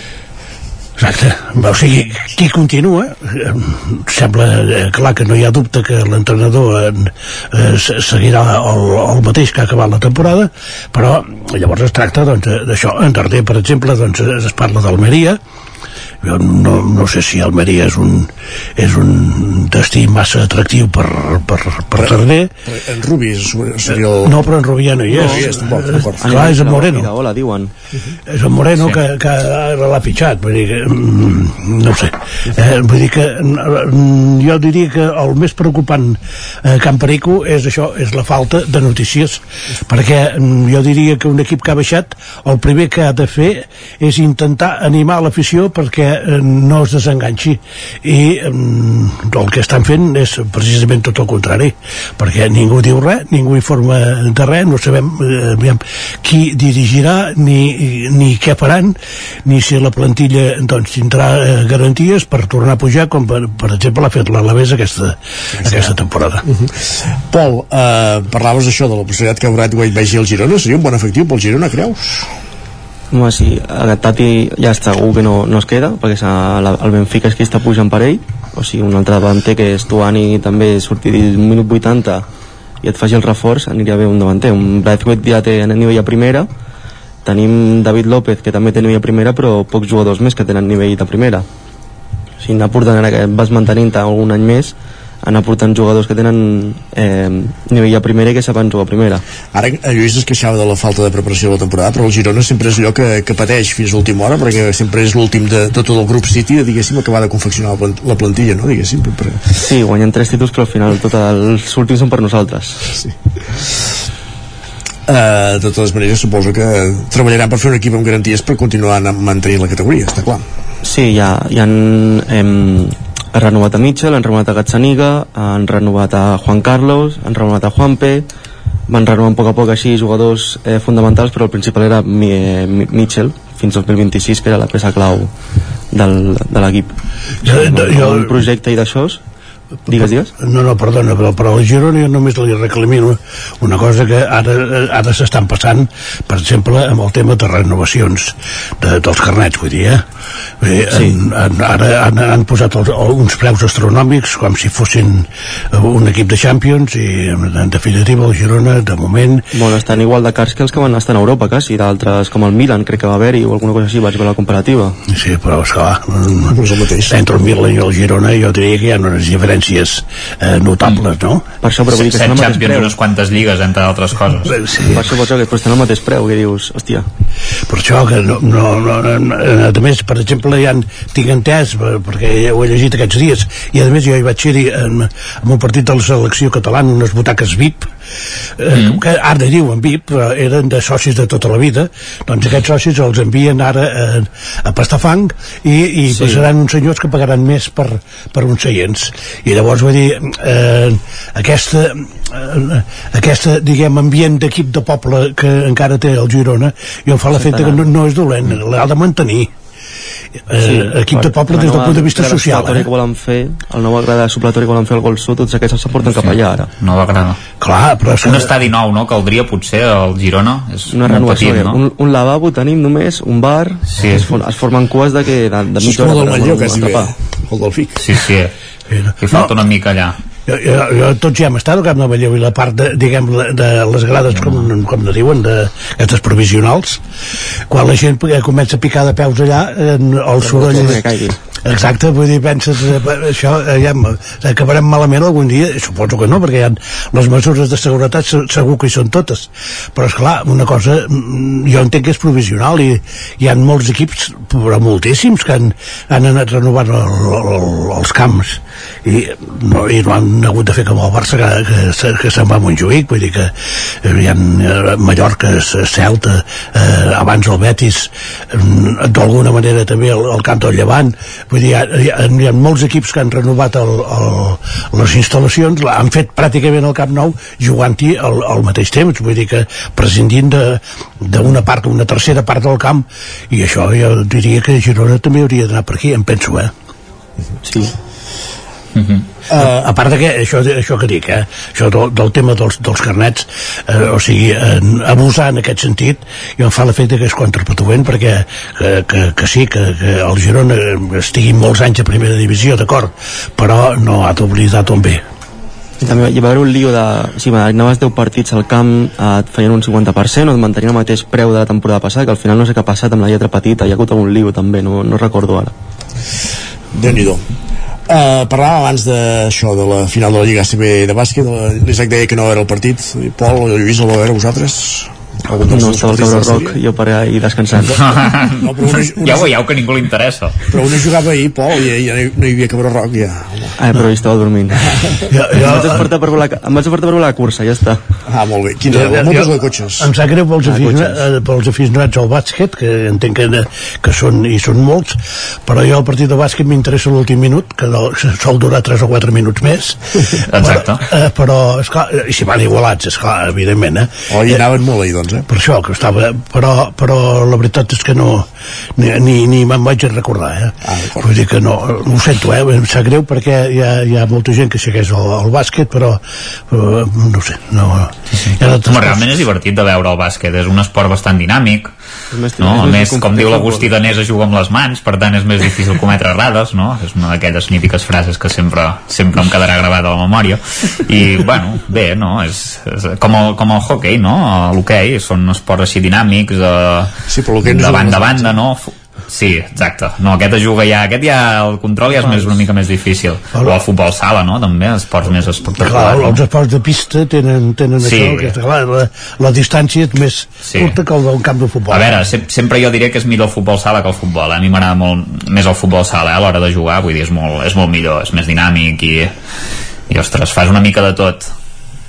Sí, però, per exemple, els desplaçaments, que és un, per mi, dels atractius del futbol, el futbol sala Claro, no, no hi és. No, bueno, és, clar, és un altre futbol, eh? Jo, jo diria que és, és molt diferent, eh? el futbol i el futbol sala, encara que... bueno és, és més tècnic, és més posicional el futbol sala, no? És, són, són dos estils diferents, no? De certa manera. Eh, no, no, i a més, jo com a jugador de futbol sala era bastant bo, vull dir que imagina't si ha de ser fàcil jugar a futbol sala. Uh, Molt bé. No, no, clar, és que ara acaba de llançar una canya Lluís, però no, no ho farem pas, eh? Un partit de futbol s'ha de pregar la temporada, però no, no, no cal. Jo m'apunto, eh? Si el voleu fer. Hi ha coses que... Demostrarem una mica les habilitats una mica de tots. Veig cara joves per aquí i la meva no és pas especialment d'aquesta. Ara si ha sopar després m'apunto, eh? Ah, doncs mira, deixa'm pensar. Pol, dius que vas, eh, vas llevar per mirar cotxes, eh? Que corrien la tarda, em sembla. Sí, a les 8 de la nit. I què dalt? Bé, de la que portem de temporada de les més entretingudes, perquè és que sempre és Max Verstappen el primer i guanya, que va passar aquí un altre cop, però almenys havia més uh, més carrera entre, entre zona mitja i zona baixa, que és on està l'interessant aquesta temporada, perquè l'altre és surt el Max primer i guanya, i ala, vinga, ja està, següent. Si és que les curses de Fórmula 1 sembla que fa molts anys que han perdut, eh? Perquè Bueno, sempre... la, de... la fa dos anys va ser interessant, que van arribar igual a Sí, aquella sí. Aquella sí, aquella sí, aquella sí, era poder de les poques, eh, de les últimes, perquè si no guanyava sí. sempre o, o en Hamilton o... Sí, portem 4 ara... anys de Red Bull, 7 anys de, Sí. sí. de Mercedes, ja no, dos anys de Red Bull, portem el tercer, sí. vull dir, és així. Jo el que no entenc de, de, de la Fórmula 1 és són circuits com aquests de Monte Carlo, per exemple, que no es poden avançar. Vull dir que, esclar, el que, el que surt primer és el que queda primer normalment, si no, la, si Sí, no va de no, molt. ja no és el circuit, sinó són els cotxes d'aquest any, que són 6 metres de llarg i 2 d'ample, que són els que no poden adelantar, perquè veus altres competicions de Fórmula E amb cotxes més petits que hi ha més adelantament, vull dir, el problema són els cotxes. Mm. I, les, I les motos és més espectacular sempre que els, que els cotxes hi ha més avançament, hi ha més igualtat, ja es veuen al campionat. Més caigudes, diria el Márquez. Més caigudes sí. també, sí, sí. Bueno, digue-li, exacte, digue-li en Marc Marca. Caure en cotxe és difícil, però el... Sí, bueno, però pots estrellar-te també, eh? Sí, Vull dir, sí, no, ja, ja. A, a Mónaco, per exemple, Lluís, Eh, Sí, sí, sí, sí, d'acord. No, no, eh, eh, jo la, la, la Fórmula 1 de fa 15 anys m'interessava més que la d'ara perquè això, hi havia avançaments, hi havia eh, lluita, hi havia grans eh, eh, pilots que, que, que caminava, que manaven, però no sempre guanyaven els mateixos, i ara des de Hamilton d'ara... En fa algun més de 15, no? Per això, en fa algun més de 15, no? Jo, jo crec que l'última època que va ser una mica interessant la Fórmula 1 va ser l'època Alonso, Schumacher, Raikkonen, una mica aquesta època. Sí, sí, sí. Que, que poder, que sí, que devia ser 2000 entre el 2005 i el 2009 a partir del 2000 ja va haver-hi com més eh, marge de cada 3 anys sempre hi, havia, com- hi, sempre hi havia un que manava abans del 2000 sempre era com dos manava un, després manava un després hi Però havia a dos les èpoques de Senna i Prost també eren els McLaren, sempre els dominadors, no? Sí, però, però, Bueno, però tornant, eh? però no, se, no sempre guanyava el mateix la carrera, això és el que vull dir. Sí. Mm. O sigui, un es posa davant i, i, i treu, ja, ja, ja no ho dic, però 8 o 9 segons a l'altre i sembla que es passegi perquè va, va sol. I me, Clar. mentre que abans eh, veies això, veies la, la lluita entre dos o tres o quatre cotxes, com, ja, ja ho sé que no eren tots, però hi havia, hi havia disputa per, per al primer, eh, per, en primer lloc per, per al gran premi que es disputava en aquell moment. I llavors per sumar punts pel Mundial. I, i tot això feia més engrescadora el tema que no passa en, en estar en aquests moments ara. Vull dir que ara en, en tots, tots eh, si hi ha una casa d'apostes que suposo que hi és que, que diu que qui guanyarà el Mundial eh, el que aporti per, pel líder actual eh, que mm, no, no guanyarà gaire Sí. escalers eh? Exacte, exacte porten guanyades 8 de 8 carreres els Red a Bull menys que tingui un accident o passi alguna cosa estranyíssima i no pugui competir en sí. la temporada, cosa que no passarà doncs, hi havia també... si guanya totes les carreres Red Bull tenen tres pilots a mi tota temporada Verstappen es pot retirar sortir tercer pilot i ser campió igualment vull dir, els tres pilots poden quedar els tres primers que no hagués passat mai Mm. sí, sí, o sigui Bueno, hauria de, hauria de fer-ho molt bé, eh, per això el tercer, perquè hi ha l'Alonso que té bastants punts, sí. eh? Sí, Clar, sí, no, però no, va, dir- ho veig difícil, eh, això.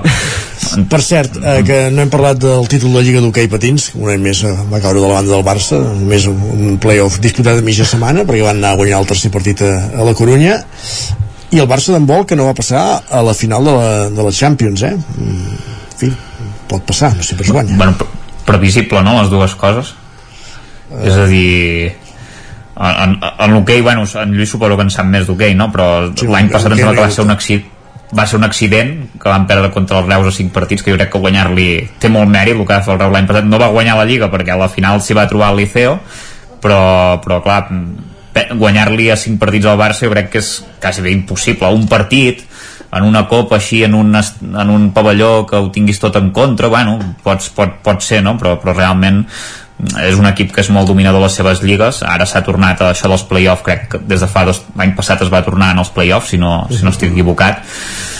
Bueno, suposo que era per donar-li vidilla, el primer any va funcionar, però clar, el Barça és un equip molt superior en, en hoquei, no? Perquè quan posa... Ara se li va un jugador que és, és dels millors que tenia, l'Elder Nun- Nunes, que se'n va un altre cop a Portugal, no? Vull dir que... Sí, que bueno, el Barça no té pas problema però amb, amb, No, no, no, no, però clar, ara hi haurà retallades a les seccions de, del Barça, suposo, i, i, i en handbol, doncs, eh, també hi haurà retallades i marxen, marxant, suposo, dos dels jugadors més bons que tenen, que són el Ludovic Fàbregas i el, i el Sindrich. Aviam, amb, amb, amb vol, eh, l'únic atractiu que tenia el Barça era Europa perquè a la Lliga, Sí, sí, sí, la Lliga no cap ni un. Vull dir que, eh, clar, per, per mantenir-se al capdamunt de la Lliga no tindrà cap mena de problema amb la meitat no. de la plantilla o, o amb, amb el, el nivell eh, actual mm, té de sobres però eh, el, el, els altres esports eh, aquests sí que patiran més eh? pel, pel tema econòmic vull dir Està clar. Ho hem de deixar aquí. Gràcies, Lluís, Isaac, Pol. Fins demà. Bon, Bon i dia. bona Fins setmana. demà, bon dia. Acabem el territori 17 i tornem demà a partir de les 9. Us hem acompanyat Laura Serrat, Roger Rams, Pepa Costa, Joan Garcia, Guillem Sánchez, Lluís de Planell, Pol Grau, Isaac Montades, Miquel Giol, Isaac Moreno. Fins demà, bon dilluns, adeu-siau. Territori 17, un magazín del nou FM. La veu de Sant Joan, Ona Codinenca i Ràdio Cardedeu amb el suport de la xarxa.